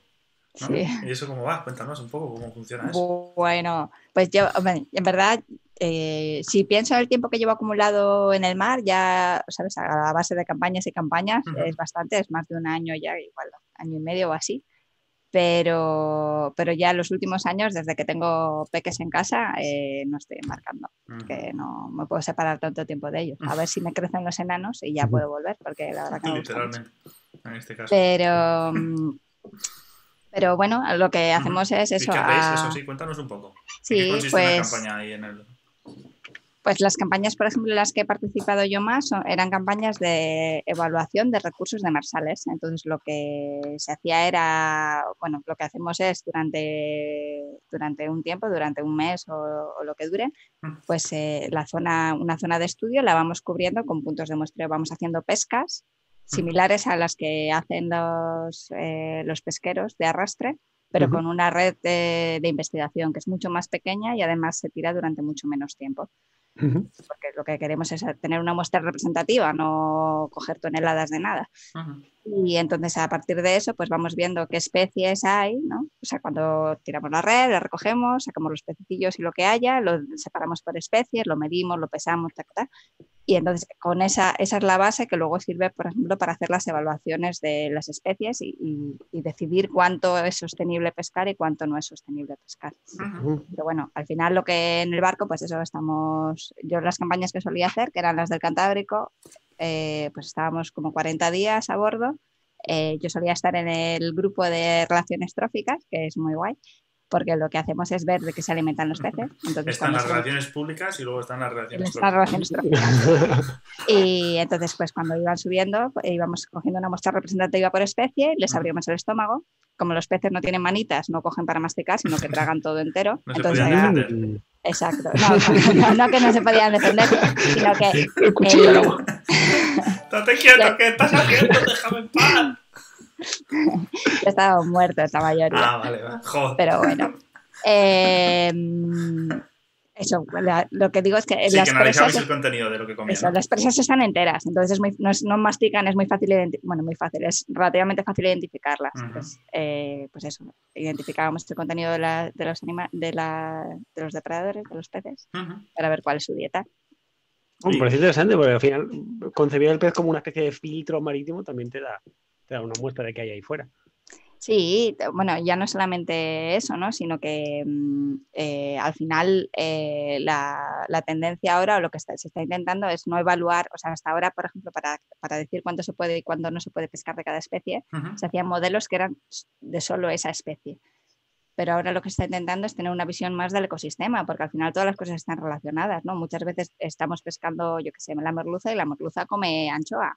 Y también estamos pescando la anchoa. Entonces, ¿cuánta anchoa podemos pescar para dejar suficiente comida para otro? ¿Sabes? O sea, todo dentro de los ecosistemas marinos, eh, todas las especies están interrelacionadas. Entonces, evaluar eh, las especies de una en una no tiene mucho sentido, sino tener en cuenta también lo que comen, eh, pues, es lo más, lo más sensato, ¿no? Lo que tiene más sentido. Qué curioso, qué interesante. Eh, joder, ¿Y visteis alguna vez algo así curioso que os llamase la atención? Buah, pues la basura siempre llama la atención, no la veíamos mucho, pero cuando encuentras un- algo de basura dentro de un pez es como, anda, pobrecillo, tío, ya hemos llegado hasta aquí. O sea, que habéis encontrado basura dentro del estómago de los peces, literalmente. Sí, no, no muchas veces, porque claro, al, sí que es, en teoría hay bastante basura dentro del estómago de los peces, pero son basuras muy pequeñas, ¿no? Que nosotros en la identificación que hacemos, que es eh, para cosas más grandes, para, o sea, pocas veces miramos las muestras en el microscopio, como mucho en una lupa de 10 aumentos. Entonces, solamente identificamos las basuras más grandes y no se veían muchas veces, pero alguna vez sí que las vimos, sí. Sí que hemos visto basura. Ujú. Joder. Vaya tela. Y luego a mí una vez me metieron una aceituna dentro de un pez y cuando la abrí encontré la aceituna y digo, ¿pero esto qué es? Pero no los compañeros, ¿eh? No. Pero, ah, vale, vale, vale. Porque es que, se ha hecho un- una incursión a los olivares ahí del interior. Sí. No, no. Vale, vale. Em, que. Ah, bueno, sí, dicen, dice Fe Kratos que le parece súper cruel los sitios esos donde vas y tienen a los bichos vivos en una pecera y te los cocinan. Tú les señalas y dices, quiero ese. Ya. Ya, tenemos unas costumbres un poco. El, el Homo sapiens, el depredador estúpido, tiene unas, unas preferencias un poco extrañas con sus presas. Sí, ¿Cuánto? la verdad que sí. ¿Cuánto solían durar las campañas, Lucía? Porque uno tiene en el imaginario a estas gentes pescadoras que se iban durante meses y, incluso a veces años, y no, no sé a nivel promedio cuánto una campaña de Pues de- investigación en mar.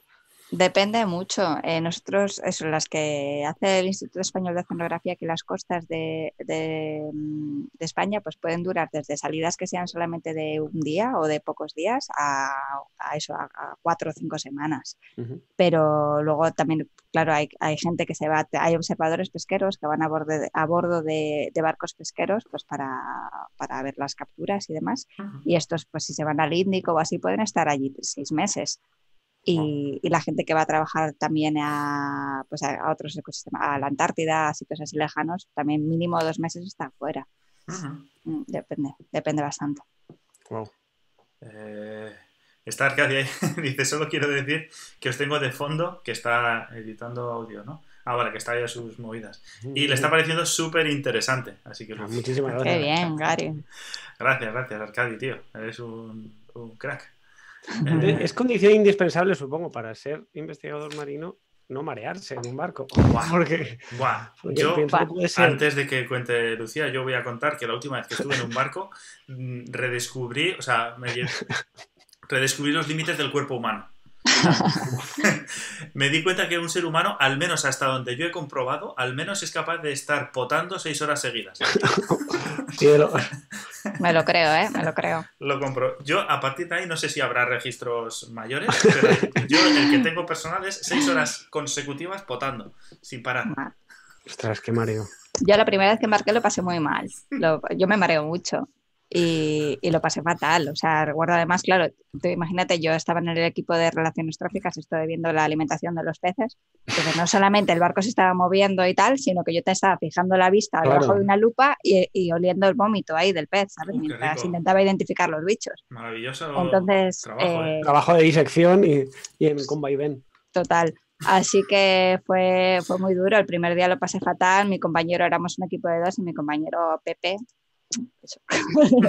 es un amor, lo hizo todo él, el tío que era un crack y ya dije, mira, una y no más a Nicolás y, biodramina todos los días hasta que se me acostumbra el cuerpo. Entonces estoy ahí, pues eso, unos cuantos días con biodramina y ya el cuarto quinto día digo, venga, vamos a ir bajando la dosis y a ver qué aguanto.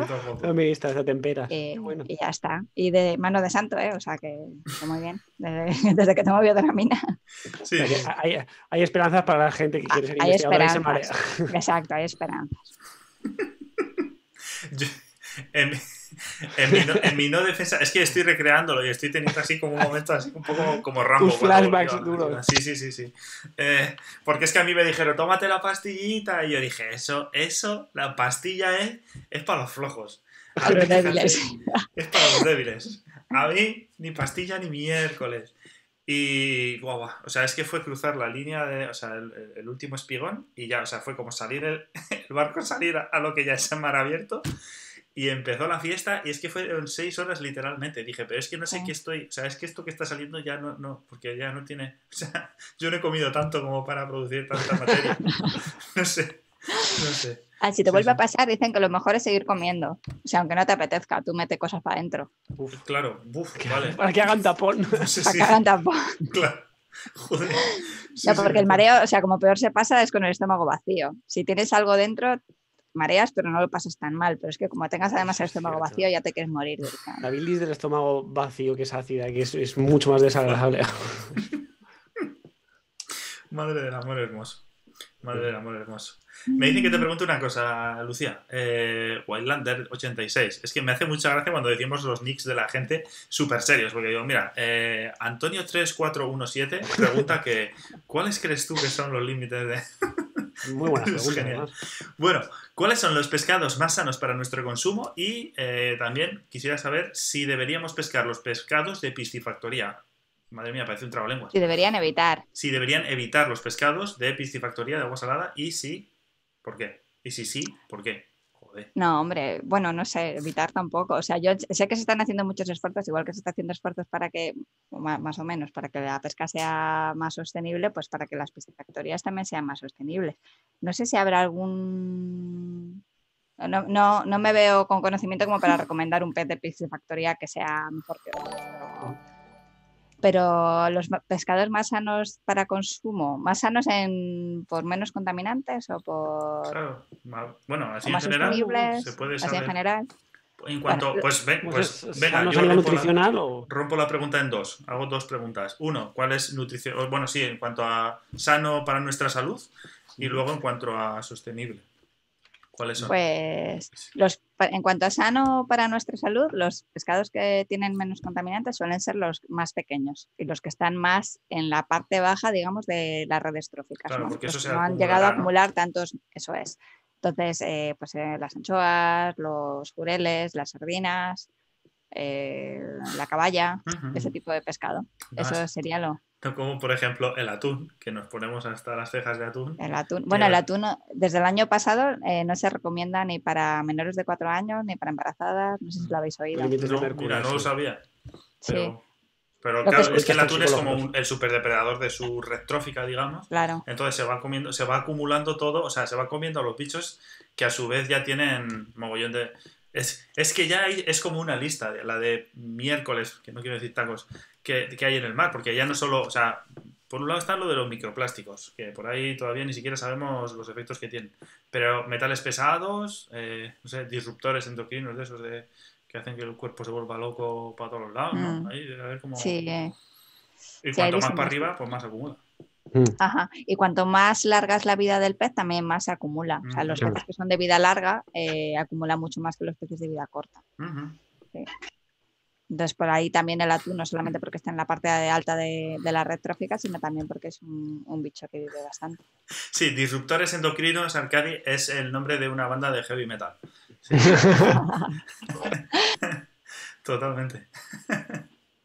vale, entonces nos recomiendas que, lo que deberíamos de, hacer es quizás em, incluir como una mayor cantidad de peces, que estén más abajo en la, cadena trófica. no comer tantos depredadores. No digo no, No comer no tantos dejar de comerlos, pero no tantos quizás. Sí, esa sería igual recomendación general, porque para lo otro, para sostenibilidad, también suelen ser los más sostenibles. O sea, no el caso de la sardina ahora, que está la pobre capa caída aquí, pero, pero sí, suelen, suelen ser los que más sostenibles.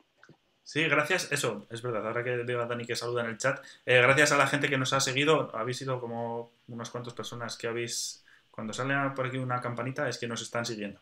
Así que muchas gracias y bienvenidos ahí a Bienvenidos todos. Universo Escenio Ujú. TV. Genial. Em, claro, porque lo de, en cuanto a lo de sostenible que decías antes, Lucía, es, es. O sea, me ha impactado mucho el ejemplo que has puesto que, que tener una. Por ejemplo, una piscifactoría es como tener una granja de lobos. Nunca lo había visto así y, y me he quedado como, ostras, claro, es que tiene sentido. Es tener animales que son depredadores, necesitas mucha más energía en el, en el sistema para producir la misma cantidad de materia, por decirlo así, ¿no? De sustancia. Qué curioso. sí. Una pregunta, ¿cómo en esas jornadas tan largas de pesca en general, cómo se mantiene la pesca fresca tanto tiempo? ¿Se necesita un almacenaje, una refrigeración? No sé, porque ¿En qué? ¿En cuáles? Perdona. eh, en cualquier pesca que sean, que sean grandes temporadas, cuando pienso en el, en el pescado, que es algo perecedero, me, me planteo en estas temporadas, digamos, de pesca de meses, cómo se mantiene la pesca fresca hasta desembarcarla. Pues bueno, muchos de ellos son eh, grandes eh, congeladores. O sea que realmente lo que hacen es eh, procesan el pescado a bordo ya. No, no Mm. desembarcan pescado fresco, sino le- que lo desembarcan pues, pues, congelado, Ya procesado. procesado, los filetes, lo que sea. Entiendo. Ujú. Y no sé si habrá alguno que, o sea, no, no, vamos, No, no- fresco no fresco que creo que puedan exacto. desembarcar después de, de eso de temporadas tan largas. Bueno, ¿y cómo lo ves? Eh, ¿Cómo es el, la que se nos viene encima? ¿Cómo es el futuro de, agorero o de no agorero para ti, Lucía? O sea, con esto del cambio climático, eh, a la pesca así como en general, aunque dices que es verdad que no le afecta igual a, todo, eh, a todas las especies o a todos los sitios de la Tierra, digamos, pero ¿cómo lo ves? Eh, ¿Va a ir a- ¿Va a hacer que prolifere la pesca en algunos sitios? ¿Va a hacer que vaya peor? ¿Cómo es el Sí, eh, pues eh, a ver, el panorama está en que y, y para eso es, eh, es una de las, de las cosas que estamos intentando nosotros pues, investigar, está en intentar adaptar al sector pesquero. O sea, los cambios, están habiendo muchos cambios en los ecosistemas y lo que no se puede seguir es haciendo lo que se ha hecho siempre y pescando las especies que se ha pescado siempre en los sitios donde se han pescado siempre. Porque no, o sea, por, por ejemplo, en- creo que en Estados Unidos sí que habían visto esto que se estaba contando de cómo se estaba en la costa oeste, cómo se están moviendo las especies, la velocidad de cambio de las especies, Ujú. y estaban viendo que si no se hace nada, no hay ningún esfuerzo proactivo, digamos, por adaptar el sector pesquero, el sector pesquero lo que hace es ir siguiendo a las especies, pero las sigue como con años de retraso, ¿sabes? Las especies se van moviendo y desde que ellos se dan cuenta de cómo se mueven y las siguen, pasa tiempo. Entonces, son mucho menos eficientes al pescar porque se tienen que ir más lejos, porque al final están pescando una especie en un sitio donde su abundancia igual ya no es muy alta, pero como la van rastreando, o sea, como que eh, es, es una forma de pescar muy poco eficiente. Eh, entonces, eh, nosotros, es- bueno, lo que, lo que estamos intentando es eh, pues eso, estudiar el, cómo van a cambiar los ecosistemas y cómo de vulnerable es el sector para que pueda adaptarse y para que no, ¿sabes? Porque al final también, pues, la, la pesca, hay cosas que se hacen mal, pero también hay, hay cosas que se hacen bien y hay mucha gente que depende de ello, tanto a nivel de empleo, ¿no? Como a nivel de, de comida. De Claro, sí, que parece que simplemente estamos como echando porquería ahí encima de Exacto, las ¿no? cosas, ¿eh? Pero, pero... es verdad que eso es, es verdad. Que romper una lanza en Entonces, su favor. lo, sí, sí, lo pues. que hay que intentar es pues, que se adapte y que sea lo más sostenible posible. Mm. Os estáis ahí eh, eh, encendiendo ahí en el chat, la gente se está encendiendo porque que eh, a uno se le ha ocurrido mencionar un documental y, y ha ido Dani a decir, quieto parado. Cuidado con todo, o sea, que, que todos los documentales de Netflix eh, son interesantes, pero no todos... eh, Claro. Tienen un punto espectacular y cinematográfico que muchas veces pasan de puntillas por muchas cuestiones científicas. Y aunque puedan tener de base una buena intención o incluso un buen fundamento, en Ujú. concreto de Game Changer lo trabajé en su momento y es cuestión también de verlo desde otra perspectiva. Normalmente esa clase de documentales necesitan al menos una persona que diga crítica a ese documental para que refuerce lo bueno y también desmienta un poco lo malo. ¿De quién es este? ¿De The Game Changer? Pues es, que era una superproducción, o sea, al final era de, muchos colectivos y también ah, tenía una, defensa al, veganismo, que era útil, pero también hablaban con muchos eh, deportistas de élite, se dejaba entrever que solo podían haber conseguido ese cuerpo, esas metas, con una eh, dieta basada solo en plantas, en fin, tienen cosas un poco falaces. Entonces eh, hay que darle un par de vueltas, no quedarse solo con la fuente original del, documental. Hay que contrastar siempre las cosas, hay que quedarse ahí. Bueno, bueno, interesante también, aportación. Sí. bueno, eh, nos pregunta también por aquí que si, que si tenemos que empezar a comer medusas. que mm. como el cambio climático les viene muy bien, aunque nos dijo Marina que lo de las medusas en algunos sitios hay más, pero en otros no. O sea que no es a nivel global, sino mm. local. Pero deberíamos adaptarnos a comer medusas. Bueno, todo lo que no, diversificar la dieta yo creo que está bien. Sí. Como, Yo las he probado y no saben a nada, ¿eh? ¿Has probado las medusas? Sí. Yo, yo probé un snack de medusa y no me, no me llamó mucho. ¿Pero voluntariamente o involuntariamente? Quiero decir. Voluntariamente, voluntariamente. Porque a mí me tenéis que ver haciendo snorkel, ¿eh? Que yo que, voy con la boca abierta como cuando vas con la bici. Eh. vale, vale, vale, vale. Joder, o sea que eso se, se cocina y se. Pero si eso es agua entero, ¿no? Sí, no, sí se cocina. En salsa de soja y tal, lo comí yo y estaba, sabía la salsa de soja, pero a mí Sorpresa. Sí, es verdad. Yo recuerdo que tiene una textura porque los tentáculos son como son blandos, pero tienen un punto duro. O sea, es el tentáculo, la textura es extraña, porque es algo gelatinoso, pero tienes que en algún momento cortarlo y mascarlo. Ah, como una raba. O sea, como una raba de calamar. Sí, algo parecido. No, yo lo que comí era más, más gelatinoso que una raba de calamar. No, era, igual era otra especie. la preparación o así, era como una especie de snack o algo así que nada, Joder, pues ahora me habéis dado a mí ganas de, probarlo. Que también son horas de, hambre. También, igual es que estoy un poco jamado, también creo que tiene que ver. Eh, dice, sí, que el próximo nivel ya es, eh, yo, dice que, yo haciendo snorkel, eh, filtrando el krill como, como las ballenas, con la barba. Con la barba. Y la filtro. Totalmente. Totalmente. Hombre, ya empieza mm, a pequeña escala, lo hago con la sopa, que ya con el bigotillo este que me queda aquí ya va filtrando los fideos. Pero puedo probar. tropezones. Sí, sí. bueno. Em, claro, dice, claro, es que preguntan, perdón por seguir por el tema de la medusa, pero es que también me llama mucho la atención que si, que si la pones en la plancha se evapora entera. ¿Cómo haces? ¿La tienes que sacar justo antes o algo? O sea, unos segundos y ya, ¿o cómo? No tengo ni idea, la verdad, de cómo se hará. Hombre, entera, entera no se evapora, pero sí, se debe quedar en nada. Vale, no sé. Qué movida. Sí, yo me acuerdo un tiempo que estuvimos, bueno, cuando estuve trabajando en un centro que las guardábamos para, muestras de, no sé, las guardábamos en seco. Entonces le cogíamos papel absorbente de laboratorio y le poníamos la medusa entera encima y entonces se, la dejábamos ahí y luego la congelábamos pero cuando le íbamos a congelar al poco rato ya no se veía, vamos, estaba todo el papel mojado y decía, pero seguro que estaba aquí la medusa. Claro. sé que es, casi invisible. Eran pequeñitas, eh, también hay que decirlo. Pero. Totalmente, totalmente. Bueno. Eh, joder, sí, está diciendo aquí la gente de que, ya que nos callamos un poco la boca porque hay, hay gente que está a punto de cenar. O sea, algunos. tengo una pregunta, pero pero quizá voy a abrir un melón que es muy amplio. Y es que, siendo la pesca algo tan, tan ancestral, porque yo creo que pescar en menor medida es, inherente al, concepto de, cazador, de, digamos, del ser humano, ¿cómo ha evolucionado en, en poco tiempo, en los últimos en los últimos 10, 20 años, porque uno tiende a pensar que la tecnología también solucionaría algunos de los problemas que nos podemos encontrar a nivel ecológico. Y siempre que pienso en los pesqueros, me imagino esos petroleros antiguos, ese, incluso esa pesca de, de Moby Dick, no sé cómo son, cómo es la pesca más tecnológica o, cuáles son los últimos avances en ese sentido para mejorar las cosas.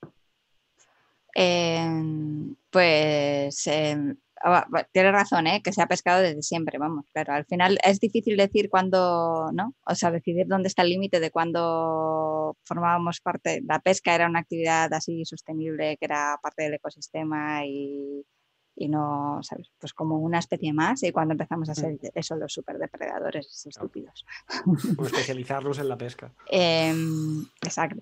Pero bueno, a partir de la, pues de, después del, a finales, a mediados del siglo pasado, yo creo que fue cuando empezó a haber los grandes eh, mm, barcos con muchísima potencia, ¿no? que son los que, los que pueden pescar más y, empezó toda la sostenibilidad y se traste.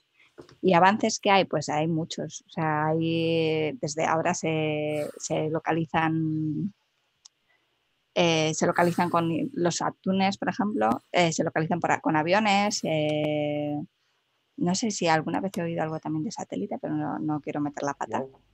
O sea. ya, en mm, los tiempos que corren, ya, no sé. tiene que ser como desde casa eh, con el móvil, estás en el salón, ya, haces así y le metes, tío, y, desde el satélite manda un láser que le pega solo a. Ahí está.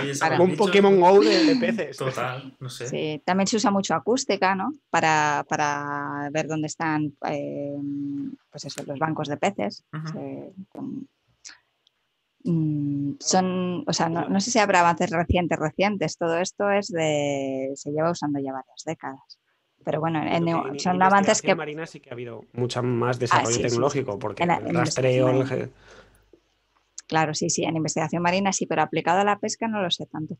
Eh, creo que, no hay tantos desarrollos. la pesca ha sido más, más natural. Entiendo. Pero bueno, parece mentira. Ahora, por ejemplo, sigue habiendo mucho desarrollo en el tema de redes, ¿no? De qué redes, o sea, cómo hacer redes, pues por ejemplo, que puedan a la vez eh, seleccionar peces a partir de una talla, pero eh, dejar escapar también a los que son más grandes de otra talla y cosas. un poquito más sofisticadas que la red básica. que la red básica, sí. El desarrollo de, redes eh, para selectividad pesquera, porque al final uno de los muchos, uno de los muchos problemas de la sostenibilidad pesquera es que eh, hay algunos artes de pesca, algunas redes que no son muy selectivas. Entonces, tú tienes una especie objetivo que es la especie que quieres capturar, que tiene un buen mercado y se vende bien, pero capturas muchas otras cosas que luego no sabes qué hacer con ellas. justamente eso están preguntando en el chat, Lucía. Eh, que se pregunta que si ha habido algún desarrollo tecnológico así como especial, digamos, porque me imagino que sí, también se habrá intentado siempre, pero si hay algo así un poco más especial, para evitar la pesca de animales marinos no comercializables. O sea, los descartes esos que no nos interesan. Los descartes. Hombre, depende, es que el, los animales estos que no se comercializan, que nosotros los solemos llamar by catch, ¿no? lo que se pesca con la pesca. Eh, ¿Eso lo de Mitch Buchanan y la Pamela Anderson y todos esos? O... by catch. perdón, perdón, eh... perdón, ya me va a caer otra denuncia a mí en el chat. Esto ya lo vamos a liar. Lo siento, lo siento, perdón. A ver hay algunas artes que son muy selectivas, o sea que, tú las tiras y, la mayor parte de lo que capturan es, lo que quieres capturar, pero otras pues no tanto. Y en esas es en las que se está trabajando más. Las artes de arrastre, por ejemplo, son de las menos, de las menos selectivas.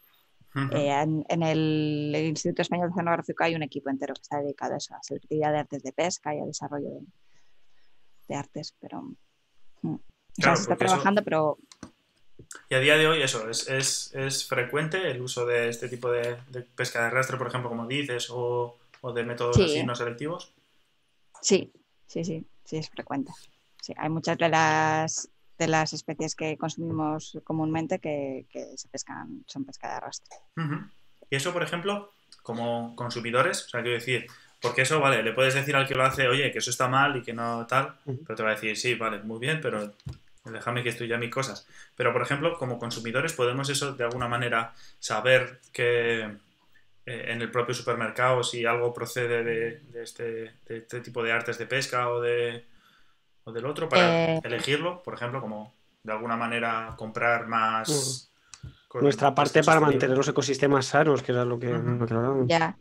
Pues es que realmente es difícil porque el etiquetado de los productos de pesca no es muy específico. O sea, tú cuando Mm. vas al... Cada vez se está haciendo mejor, es verdad, antes no, no sabía, no ponía nada, ¿no? Y No. preguntabas al tendero y muchas veces ni siquiera sabía decirte. Ujú. Y ahora sí que están etiquetados, pero, pero bueno, las zonas de, de captura son muy amplias. Muchas veces te pone zona FAO 28 o lo que sea. Y eso coge toda Europa e Islandia y no sé, o sea que realmente no sabes dónde viene. Y, y el método de captura eh, no lo pone nunca. Te pone pesca extractiva o piscifactoría, no pone nada más, o descongelado.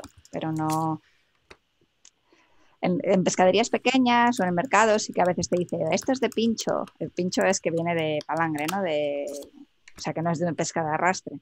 Pero, pero muchas veces es difícil de saberlo, ¿no? O sea, no sabes de, no sabes. O sea, y esto es un problema eso, a la hora de, de intentar ser consumidores pues más eh, responsables, ¿no? Y elegir pues por, por, nuestro propio criterio que tengamos, pues qué, pescado queremos consumir de las opciones que están disponibles, pues que no tienes, no tienes información como para hacer. Claro, porque eso es complicado. Yo, no sé, recuerdo, mi, o sea, y estoy es de las pocas veces que no voy a estar en broma en este programa, pero yo recuerdo de ir a comprar al súper o a la... Y, y, y ver, y en el paquete, digo, joder, voy a comprar cosas que no sean de pesca de arreo, que no sean de métodos así no selectivos. Y hay veces que lo pone porque están como obligados, ¿no? Es como la información nutricional, que están como obligados, que tienen como tal. Claro. Pero lo- ves, eh, no sé cómo lo pone, pero tipo de método de pesca, dos puntos. Y luego en algunos está el hueco como vacío. Y es como. Ya, sí. Hombre, tampoco quiero eh, echar ahí, eh, mm, ¿sabes? Hablar mal Sí, no, echar la no, al revés, al revés. O sea, De- quiero, quiero, no, lo con- quiero tampoco- hacer lo contrario, como instar a. Digo, a- tampoco quiero hablar mal de toda la pesca de arrastre, porque la pesca de arrastre, aunque no es, no es selectiva en general, Mm. hay algunas, por ejemplo, eh, que, que yo conozca, la, la pesquería de gamba roja aquí, aquí del Mediterráneo pesca unas profundidades a las que casi no tienen bycatch, y es bastante selectiva a pesar de ser arrastre, o sea, Ujú. Que incluso dentro del mismo arte, ¿no? dependiendo de la especie objetivo, puede cambiar la selectividad. Ujú. Que, Y cómo se emplea. Sí, y de dónde esté pescando, de qué zona. O. Sí, que podrían hacer como un código como el de los huevos, que, que dependiendo del número que tienen, tú sabes cómo han vivido las gallinas o cómo o de dónde vienen. O...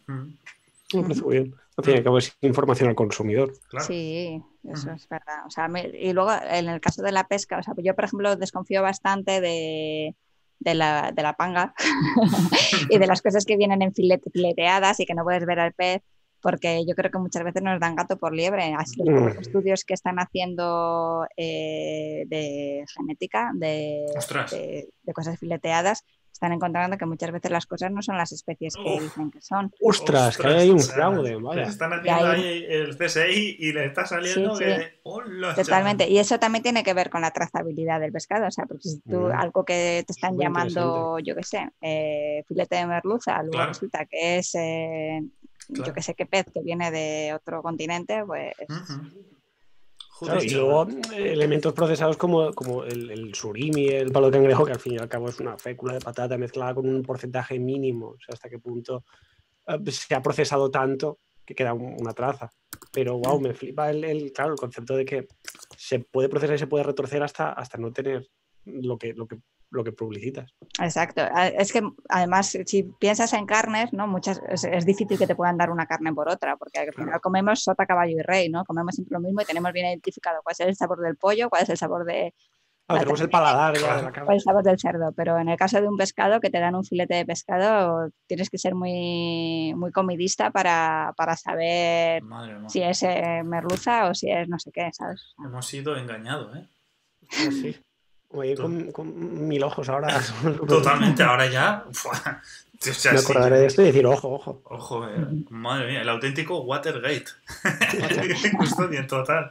Este es el verdadero escándalo, ¿eh? Total, totalmente. Madre de Dios, sí, sí, ahora está todo el mundo, todo el mundo, o sea, Lucía, acabas de conseguir que todo el mundo en el chat eh, Vaya a la nevera diciendo, pero esto. Dios mío, nada, pues tío, todo es tío. aprender a identificar las especies así no hay parece problema, genial. tío. Nada, hacerse con un kit de, de- Ahora que todo el mundo sabe lo que es una PCR, pues todo el mundo a hacer PCRs en casa, que se compre un kit.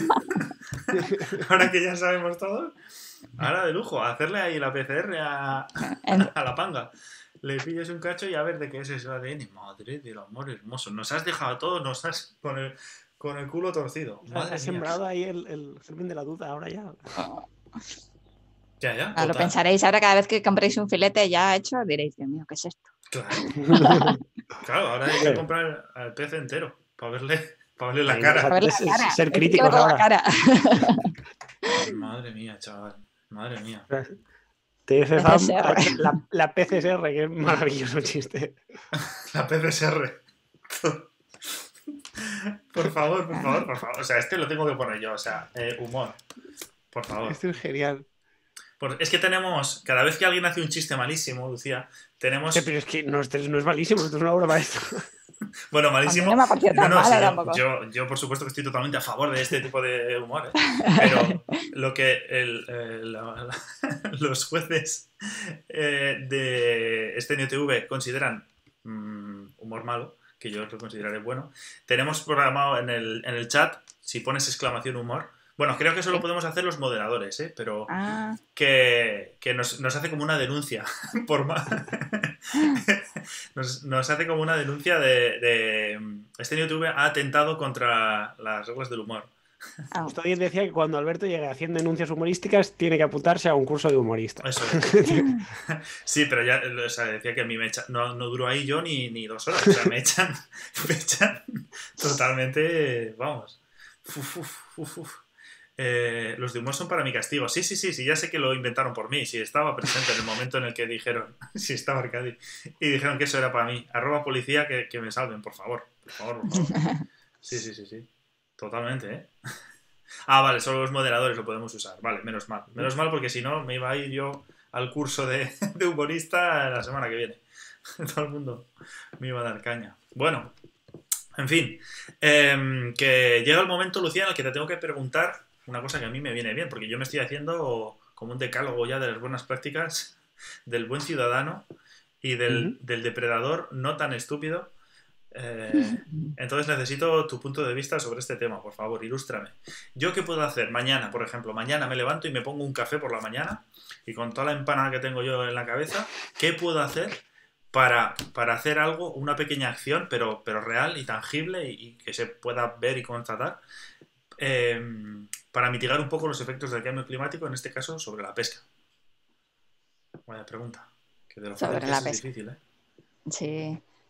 Pues ¿Qué vamos, pueda? yo creo, yo iría eh, justo después del café vas a ir al mercado. Claro, por, por ejemplo, podría ser. podría Es ser. domingo, Vale. es domingo. Pues eh, a ver, yo iría en la línea de, de lo que me estaba hablando, de intentar ser consumidores responsables y de, de pensar eso en la procedencia de las cosas, ¿no? De, y, y que, que, bueno, pues consumidores, intentar comprar cosas locales, ¿no? De, de productos locales que fomenten que se que dé el empleo aquí, ¿no? Y, el- y la pesca de, de aquí, no cosas congeladas que a saber de dónde vienen y a saber lo que son. Pero, mm, pero bueno, eso en general, no, no, no relacionado con el cambio climático. Me parece un consejo súper oportuno. Eh, en relación al cambio climático y la pesca, ¿qué puedes hacer? eh, Como, ¿Qué podemos hacer? Pues es que fuera de esa línea de, de ser consumidores responsables, la verdad que creo que no Hombre, podemos pero, hacer ya, pero es a que no nivel es, individual. no es moco de pavo. Ser un consumidor responsable es, es una responsabilidad, vaya. Sí, Eso es. Hacer las cosas bien. Sí, o sea, bueno, pero por ejemplo, como otras veces nos han recomendado cosas, pero no se había tocado justo el tema de la pesca en concreto. O sea, quiero decir, nos habían recomendado eh, otra gente que hemos traído eh, aquí al programa que disminuyamos la cantidad de carne, por ejemplo, que comemos, Ujú. basado en lo, en lo que dices tú, de, de que cuanto más arriba esté un organismo en el escalafón, pues más energía necesita para fabricar Para la misma cantidad de, claro. de materia. O sea, que Ujú. para comerte 100 gramos de proteína en un filete, pues se ha gastado mucha más energía y muchos más recursos que para comer Ujú. 100 gramos de proteína de una planta, por ejemplo, o de otra cosa, lo que sea. No Ujú. tiene por qué ser siempre plantas. Entonces, por ejemplo, con el pescado nunca, o sea, lo tenemos todo como a la carne, a la carne, a la carne, que es lo de que ya estamos todos ahí con lo de con el chipes en la cabeza, ¿no? Pero también es otro lado, por ejemplo. que- Sí. Claro, sí, sí, pues eso, intentar sobre todo yo diría comer eh, pues, pescado de, de proximidad. Y eh, también eso tiene, bueno, sí que tiene cierta relación con el cambio climático porque, bueno, como os decía al principio justo, una de las componentes que nosotros analizamos de vulnerabilidad al cambio climático del sector pesquero es, socioeconómica, no es solamente ecológica de tal. Entonces, em, pues las comunidades, las, comunidades pesqueras que son, que tienen, que crean más empleo, que son más ricas, que tienen mayor nivel de asociacionismo, por ejemplo, pues se está viendo que son las que son, tienen mayor capacidad de adaptación también frente al cambio climático. Entonces, si estamos, ¿sabes? Si comprando cosas de proximidad, estamos fortaleciendo el sector pesquero en nuestra zona, pues al final es una forma también de, apostar por, por, porque pueda ser más sostenible, porque pueda adaptarse al cambio climático en el futuro. O sea, ser, ser consumidores responsables en esto también. O sea, obviamente en todos los lados, pero hoy si algo hemos aprendido, por ejemplo, es que también en, la detrás de, la pesca. En la sección de, pescados y de congelados también se puede luchar contra el cambio climático, ¿no? Sí. Muy bien, qué interesante, qué guay. Eh, Vale, estoy mirando aquí algunos comentarios también que estáis poniendo. Eh, hay algunos lugares donde se puede saber qué es compra responsable si hablamos de pesca. Hablando de esto, por ejemplo, pregunta Paula. O sea, lo que decíamos antes, de como el código ese de los huevos, aunque dicho así suena un poco faltoso, pero me refiero, me refiero ya, ya me entendéis. Ya. Mm, bueno, mm, no, o sea, yo creo que vale el criterio propio. Sí que hay sellos, algunos sellos de sostenibilidad, no sé si conocéis el MSC, pero bueno, también están muy criticados por, por, o sea, tienen, yo creo que tienen una parte buena, pero hay, se dan muchas veces, o sea, se critica también mucho que, se dan algunas pesquerías que, que, no, no parecen que sean muy sostenibles. Madre mía, o sea, estamos, entonces es que yo estoy medio viendo aquí que estamos como vendidos los consumidores de pescado. Hay que mirarse mucho. Hombre, es, hay que, pero bueno, es que en, cuanto a los productos, ¿no? Realmente no sé si hay algún producto que tenga un, yo que sé, que tenga un sello de que te puedas fiar al 100% y que diga, eh, tú comes esto, que esto es lo mm. mejor, ¿no? Esto no tiene cero de contaminación, ya, cero teniendo en cuenta que por todos los lados hay, pasta de por medio, es difícil. Exacto, incluso en los sellos ecológicos, ¿no? También hay, seguro que hay algunas críticas de ellos. Sí que hay algunos sellos de, eh, de, pescado sostenible, ahora también hay algunos sellos de, de pescado de origen, ¿no? Que algunas pescaderías o algunos... Eh, eh, algunas em, cofradías tienen pues, el, sellos de este pescado desde aquí. Claro, porque eh, no sé hasta qué punto las denominaciones de origen también se pueden aplicar al pescado, al menos en cuanto. Que hay denominaciones de origen a nivel de productos gastronómicos, pero hablan mucho más del proceso de elaborado y del proceso de demás. Pero no sé si el pescado también tiene un equivalente a decir, te aseguramos que es de esta zona que tiene cierto prestigio, pues como el bonito del norte o, mm. el salmón noruego, se me ocurre. Mm, yo lo que estoy viendo últimamente más es, eh, bueno, el bonito del norte, estos ejemplos icónicos sí que a veces tienen la procedencia, pero lo que sí que suele haber en las pescaderías es una, es eh, en los supermercados, tienen una zona de pescado de proximidad últimamente, no sé si os habéis oh. dado cuenta. Entonces sí que pues tienen no como la... ¿No te has fijado?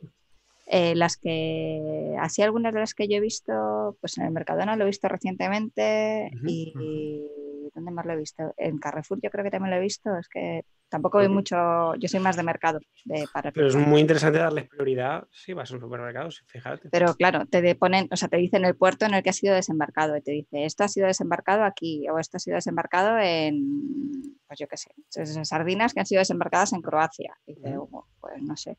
No, o sea, ya te hace pensar, quiero comprar sardinas que han sido desembarcadas en Croacia, las han traído luego hasta aquí y tal, o prefiero comprar este otro pececillo que no he comido nunca, pero que lo han desembarcado aquí en, el puerto, ¿sabes? O sea, que, sí. O sea, yo más que un sello, eso me iría fija. O sea, al final es sentido común, ¿no? Tampoco hay que saber mucho de pesca para,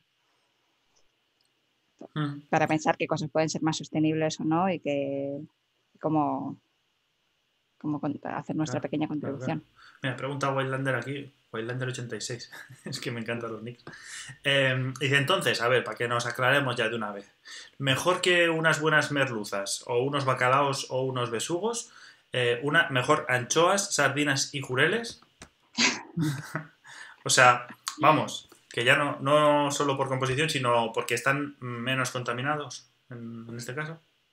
Hombre, las sardinas, los anchos y los jureles eh, es muy probable que tengan niveles de contaminación más bajos que las merluzas, los bacalos y los besugos, que son grandes depredadores. Y a ese nivel, sí.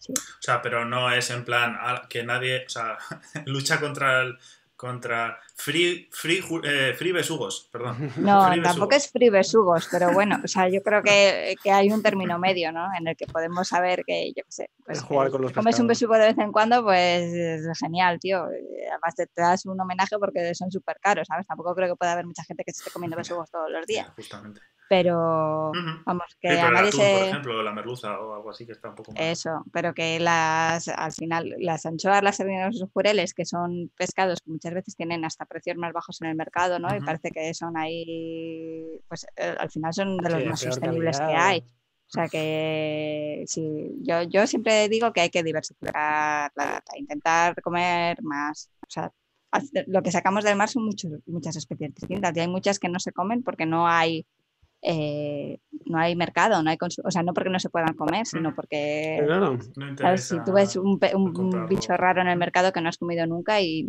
y no sabes ni cómo cocinarlo ni qué hacer con él, pues pues, na- nadie se ha atrevido a presentarlo, a servirlo y a, cocinarlo. Mm. claro. Entonces eh, hay que probar cosas nuevas. Y cuando son pequeñas, pues mejor, porque sabemos que son, o sea, pequeñas pero por encima de la talla mínima. Porque son... Esto enlaza, enlaza con la pregunta, pero que ya la hemos respondido, no la preguntáis otra vez, que ya hemos hablado, de- lo hemos respondido un montón de veces. Al final, a ver, porque para los que se han enganchado uh, al final del programa, mm, la pregunta de Marras nuevamente, one more time. Eh, ¿Piscifactoría sí? ¿O, o piscifactoría o pesca? ¿Cuál de las dos? ¿En qué quedamos entonces? Piscifactoría o pesca. Eh, yo abogo más por pesca. Por pesca, o sea, por muchas cosas, ¿eh? O sea, no solamente por, por, por la cantidad de gente que depende de la pesca, o sea, que al final también hay mucha gente que hace pesca artesanal, ¿no? Que va en sus barquitos pequeños, que eh, genera mucho trabajo y no genera tanto impacto en el medio marino. Eh, y, y por lo que decía que al final, o sea, si la pesca es sostenible, eh, es mucho más sostenible que, que la piscifactoría cuando tienes que alimentar, sobre todo cuando tienes que alimentar a, a los peces con, con otros animales, ¿no? Con proteína animal porque son, carni- son Ujú. carnívoros. Eso es, o sea, pesca, pero sostenible. O sea, pesca con Pesca, pero sostenible, eso es. Vale, vale, perfecto. Me está recordando, Paula, que, que quedan 15 minutos para terminar el programa, que ya vaya empezando a despedirme. Porque tiene cachondeo aquí la gente. Yo no me he visto, no me hace ni puñetera gracia, yo no sé eh, por qué se ríe la gente, porque me... no hace más que trolearme con este sentido. Que dicen que me cuesta mucho despedirme. Entonces, que me recuerdan 15 minutos antes de que acabe que yo ya vaya empezando la ceremonia de la despedida. Porque... Nos metemos contigo porque te queremos, Alberto. Lo sé, sé que es, que es bromis es de, del corazón. Lo sé, lo sé. Te amamos igual. Gracias, Paula. Gracias. Gracias. Te queremos nosotros también. Por supuesto que sí. Pero bueno, voy a aprovechar para ir dando las gracias a todo el mundo que ha estado viendo este programa, quienes habéis estado en el chat. Patatín, patatán. Que os den morcillas a todos, hombre, ya. Que todavía queda un montón de cosas interesantes para contar. ¡Hala! Eh, también, a ti también te quieren, Dani. Y a, y a Lucía también. Seguro que sí. O sea, espero que. Vamos, yo lo he Hola. flipado con el programa, porque a mí me ha explotado la cabeza más de una vez. Eh, es súper interesante. Muchísimas gracias a la que está, sobre todo a Paula. Está ahí al pie del cañón. Sí, sí. Sí, sí. Pablo está siempre ahí en el chat a tope. A tope, a tope. Genial. Aunque bueno, hemos hablado mucho de pesca y de piscifactorías, igual no tanto de cambio A climático. ¿verdad? tope. Cores, gracias. Sí, bueno, pero bueno, todo está relacionado. Muchas Está gracias, Cores, que es que nos acaba de donar 100 bits. Que eh, eso es otra de las movidas. Que esto tiene muchísimas funciones.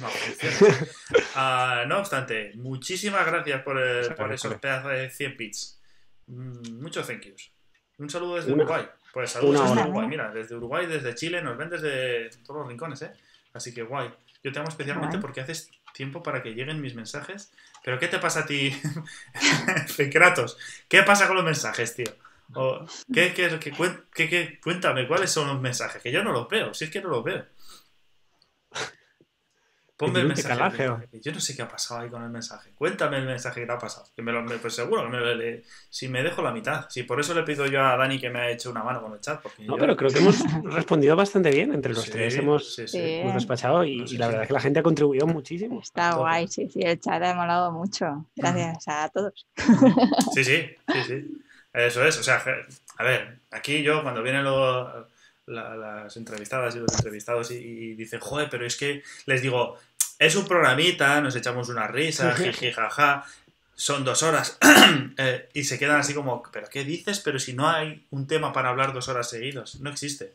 Y les digo, bueno, que ya verás tú que la gente del chat es muy, eh, en la caña, que luego aquí nos echan... Nos retroalimentamos. mano, nos retroalimentamos perfectísimamente, así que es un ecosistema magnífico el- aquí los programas. En general, en Escenio TV, o sea, en todos los programas, porque los de mis compis también, la peña en el chat está mm, fenomenal, pero yo, por lo que me toca aquí, por alusiones, estoy súper contento. Se crea aquí como un ambiente súper guay. Estoy encantadísimo de la vida. Bueno, que con el móvil los mensajes llegan tarde. Ah, pues no sé, pues, pues no sé, no sé, no sé. cosas de la tecnología. Bueno, pues nada, eso, a ver, si no, porque desde el móvil llegan súper tarde. Cambias de tema y aún llega mi mensaje, entonces digo que tú tardas en despedirte para que lleguen mis mensajes del inicio del directo. Ah, jome, vale, vale, vale, vale. O sea que hay ahí como un, como un retardo en, el, en que lleguen los mensajes. Joder, pues vaya, vaya tangada. Sí, claro, entonces para que solapen tus mensajes con mi despedida, pues yo empiezo a despedirme un poco antes de la cuenta. Vale, vale, entiendo, entiendo. Totalmente. Qué Me quedado con una, con una duda en el tintero y es, ¿cuál es el lugar donde se pesca más? Ah, qué buena. O sea, ¿Del mundo o de...? sí, de- Pues no lo sé, o sea, como como los océanos, ¿cuál es el punto más candente? no lo sé. El, a ver, al final, te- esto tiene también raíces históricas, ¿no? Es como eh, al principio se pescaba, eh, piensa, los países que pescaban muchísimo porque teníamos mayor poblaciones eran, éramos- eran en Europa principalmente. Costeros, claro. Y, y a medida que aquí hemos ido sobreexplotando y las poblaciones han ido disminuyendo, pues las pesquerías también Mm. se han ido expandiendo, han ido a otros lugares, se han ido a, a las pesquerías de más profundidad, se han ido a, han, han diversificado también las especies. Entonces yo supongo que, no sé, yo diría que igual Europa pues sigue siendo uno de los lugares donde más se pesca, pero ahora mismo ya está, está todo tan globalizado que, Todo tiene que- su zona de pesca. Sí, que no sabría decirte. Qué interesante. Claro, pero os estáis refiriendo a la pesca de, de peces. Porque Sí. en, en el chat preguntan que, que hay, que no, no, todo, no todas las pescas son de peces. No, no todas las pescas son de pez.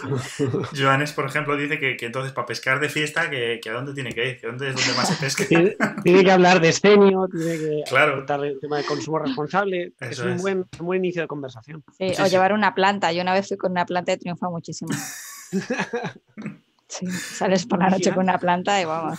Madre mía. Alguno vuelve como una planta, pero no sale con la planta. Madre mía. Sí, sí. Vegetal, sí. Totalmente, totalmente, por favor. Festival de los chistes sobre pesca. Sí, sí, sí. Es que esto ya, en vez de ser un programa de cambio climático, se ha convertido en un festival de chistes. A ver, temáticos. Fecratos nos confirma que estamos a favor de tirar la caña, porque, Claro, porque lo más idóneo. ahí está, ahí está. Por favor, ¿eh? Madre mía, es que esto es un festival que no para, ¿eh? Eh, joder, que ya tenemos unos cuantos clips, madre mía, me dan miedo esos clips, Paula. Nos, nos hacen clips. Pero eso es síntoma de que hemos hecho las cosas bien, de que ha habido debate. Bueno, ha no sé si bien, pero sí por lo menos que, que ha sido ahí. eh, la gente se lo ha pasado bien, eso seguro. Vale, vale. Bueno, y la zona con mayor variedad, ya que estamos, con mayor variedad de especies que se comercialicen, por ejemplo, la especie más extraña en comercializar. Buah, a ver, bueno, pregunta doble. Buah. Lugares como muy diversos. Ujú. Lugares, bueno, los lugares más diversos eh, suelen ser los, los ecosistemas tropicales. Como o sea, está esta, eh, estas tendencias globales, ¿no? que los ecosistemas tropicales son los más diversos Ujú. y sin embargo los ecosistemas de aguas frías son los que tienen mayores abundancias, pero menores Ujú. diversidades. Mm, Vale. pero no, no es, mm, que se comercialicen. Pues sí, supongo que también los ecosistemas tropicales, al final, si, no- si tenéis oportunidad alguna vez de viajar a algún país tropical y ir a ver puestos de pescado, eso es un, un festival del color y las formas. O sea, ahí dices, madre, todo esto no será venenoso, todo esto. Sí, sí. Ujú. Y la especie más extraña en comercializar, pues últimamente cada vez se van comercializando más especies de profundidad, que yo las veo bastante raras y encima, eh, esto todavía no lo he dicho, pero las- el pescado, los peces de profundidad tampoco son especialmente sostenibles, porque son especies que suelen vivir mucho tiempo, o sea, tienes, corres el peligro de comerte una especie que es más vieja que tú mismo, eso es bastante raro, ¿no? Joder. Es que dicho así. Pero una- un bicho que, que tenga más años que tú. Pero. Ah, y además, bueno, muchas de las especies de profundidad son pesquerías que todavía no tienen. Eh, no tienen evaluaciones científicas o están todavía empezando tal, o sea que no, se sabe muy bien cuál es el límite, cuál, cuál es el límite de, pesca sostenible para esas especies. Mira, un tema también, bueno, que, antes o después tenía que salir. Em, eh, siempre tiene que, si se habla de pesca o se habla de este tipo de cosas sostenibles o tal, eh, tiene que salir el tema de las ballenas y de la, de la caza de ballenas de Japón y, todas esas cosas siempre. Entonces, pregunta Scorpion 7. ¿Hay alguna forma de luchar contra la caza de ballenas en Japón y demás como consumidores, por ejemplo? ¿Algún subproducto que salga de, ahí? Mm, pues yo creo que como consumidores, a no ser que seas un consumidor de carne de ballena, no. O sea, no creo, no, no, no creo que haya ningún subproducto de la caza de ballenas que pueda llegar hasta nosotros. aquí. Mm. Suele ser, se lo suelen quedar allí, digamos. Yo creo que sí. Menos, recorrido. Sí, por ejemplo, en, Noruega sí que también tienen productos de ballena, eh, hacen salchichones de ballena y cosas así, pero eso no, aquí no, no, llega nada de eso. O sea, sí que hay sentimientos encontrados. lo aprovechan todo. Hay subproductos de carne de ballena, pero no, nos van a llegar a nosotros. O sea, que hay poco que podamos hacer ahí como consumidores, yo creo. Ya, hacer campaña en redes contra ello. O sea, eso, eso, yo creo que tiene más, más salida, sí. Más, futuro. Y sobre la pesca de la ballenofoca, es que no hemos hablado de la ballenofoca, que esa sí que es la, mascota de este programa, concretamente, la ballenofoca. que salió, lo dijo Custodio en un día, y, ya es la criatura mágica. Nos enseñaron una foto de una ballenofoca un día y lo, explotamos. Nos quedan cuatro minutos de la carnívora, ¿no? También. La vainofoca, claro, es un depredador apical. Eh, sí, sí, depredador apical. Está ahí arriba del todo. Sí, sí, sí. Si hay, muy pocas o hay una, no, no se puede pescar, tiene que preservarla. Claro, no, no, no. Pues si hay una, lo tiene fastidiado, ¿eh? Es mitológico, es mitológico. Está condenada a la extinción. Por favor, venga, va, ponerlo, ponerlo, ponernos una foto, porque si no pongo foto no es un programa esto de, de los martes. Ponedme una foto para que la ponga, por favor, se lo tengo que enseñar a Lucía y a, Dani. Aunque Dani igual lo ha visto en otros programas, porque siempre la acabo poniendo, pero, pero pasadme. quiero volver a verla. Por favor, es legendaria, no, es legendarísima. Claro que es legendaria. es la más legendaria, la ballena foca. Venga, foto ahí de, de ballena foca, rápido, por favor. la tengo que poner, quedan tres minutos de programa. Si no, no. Tenemos que cerrar con la ballena foca. Tenemos que cerrar, vamos a cerrar con la ballena foca. me gusta, venga, va, me lo voy a poner, hoy me lo voy a poner yo. la ballena foca. Vale, vale. Bueno, mientras tanto, mientras nos preparan una foto, que faltan tres minutos y yo todavía no he empezado, estoy en plan, en plan loco, loco total, iba a decir. Todo esto era el calentamiento. Sí, sí, sí. Estoy ya en plan. Ahí está. Eh, no he hecho ni mención. Es que estoy ya en plan desatado. O sea, llevo un par de programas. El último ya dije, mira, mm, vais a flipar. Y, y no me despedí hasta el. Mm, vamos, a falta de segundos. Aquí está, aquí está, aquí está, aquí está. A ver. la ballena Aquí está, aquí va. Siempre te arranca una sonrisa. Sí, sí, sí, sí. Es que eso es. Que la ballena foca siempre te arranca una sonrisa. ¿La has visto? Y eso que tiene cara de pena. Hombre. Totalmente, total. Es que sois, sois, sois, la monda. O sea, es que os adoro absolutamente. Eh, vale, pues una vez vista ya la ballena foca, pues si ya la has visto entonces, nada. Si ya la has visto, Lucía, pues, pues ni la pongo siquiera. Pero bueno, una vez vista ya, pues ese es el animal tótem de este programa, la ballena foca. Sí, sí. Ahora ya nos podemos ir tranquilos. Muy bien. Gracias. Gracias, Paula, por haber puesto ahí. Estás en todo, joder. Buen día. Más maja que. En fin, que, mm, ¿qué nos dicen por aquí? Nada, pues eso, que ahora sí, ahora sí que sí que sí, que ya toca el momento de decir, llevamos dos horas de rajada total Ah, y absoluta. Bueno, en realidad, ay, que mira, que me he dado cuenta que tengo aquí un cronómetro. Si nos queda, no nos queda, no hemos cumplido dos horas todavía, nos quedan dos minutos y medio. ¡Guau! Me sobra para despedir. Bueno, pero aún así, dos horas de rajada, ¿eh, Lucía? Que te sorprendió cuando te dije, vente para aquí y dijiste, Uf. Sí, sí, no, pues se me han pasado volando. Ah, volando. Ay, amigo. Muy bien. La, la ballenofoca suele alimentarse de orcas y elefantes marinos, toma. Sí, sí, sí, y de negacionistas del cambio climático también. Sí, sí, sí. Es, es, pariente del megalodón. Sí, en definitiva todos somos parientes. Más o menos, pero sí. bueno, que Lucía, que mil millones de gracias, de verdad, por haberte animado a venirte para aquí, haberte fiado de, nosotros y, y haber joder, nos has ilustrado y nos has contado un montón de cosas que lo hemos flipado muchísimo, ¿eh? Así que, Bueno, me alegro de haber contado algo guay. sí, sí, totalmente. Y a Dani también, Dani ha triunfado, porque mira, te están diciendo que, que te vengas más programas, tío. Te viene más Ostras, eh, yo encantadísimo. O sea, Yo- con la cantidad de cosas que he aprendido y me parece súper estimulante. que lo ficho yo aquí a Dani, eh. Dani, vente, te la leche. Mm, Montamos otro programa, ya verás tú. Ah, Pues, agua. Agua, agua, agua. Perdonad. Agua. ¿verdad? Vamos a acabar con. Hay que, hay que terminar con un trago, hay que terminar hidratado. Bueno, pues eso, que muchas gracias, Dani, a ti también, porque ha sido Sí, también a súper enriquecedor las, las cosas que has dicho, lo- las preguntas que nos has hecho. Muchas y gracias. Siempre da gusto, macho, escuchar las cosas que tiene que decir Dani, porque siempre hace como Yo preguntas soy la voz de la curiosidad. La La voz de la me curiosidad, habéis respondido, me habéis respondido de una manera genial. Está súper barbaridad. A mí me encanta. Genial. Pues mil millones de gracias. Y mil millones de gracias también a todas y cada una de las personas que habéis visto este ladrillo de cambio climático para que luego me digan que el cambio climático es un tema espinoso y una leche.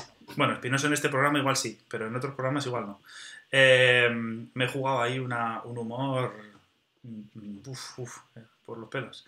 Que gracias a por haber estado ahí, como digo, dos horazas, que se van a cumplir ahora mismo.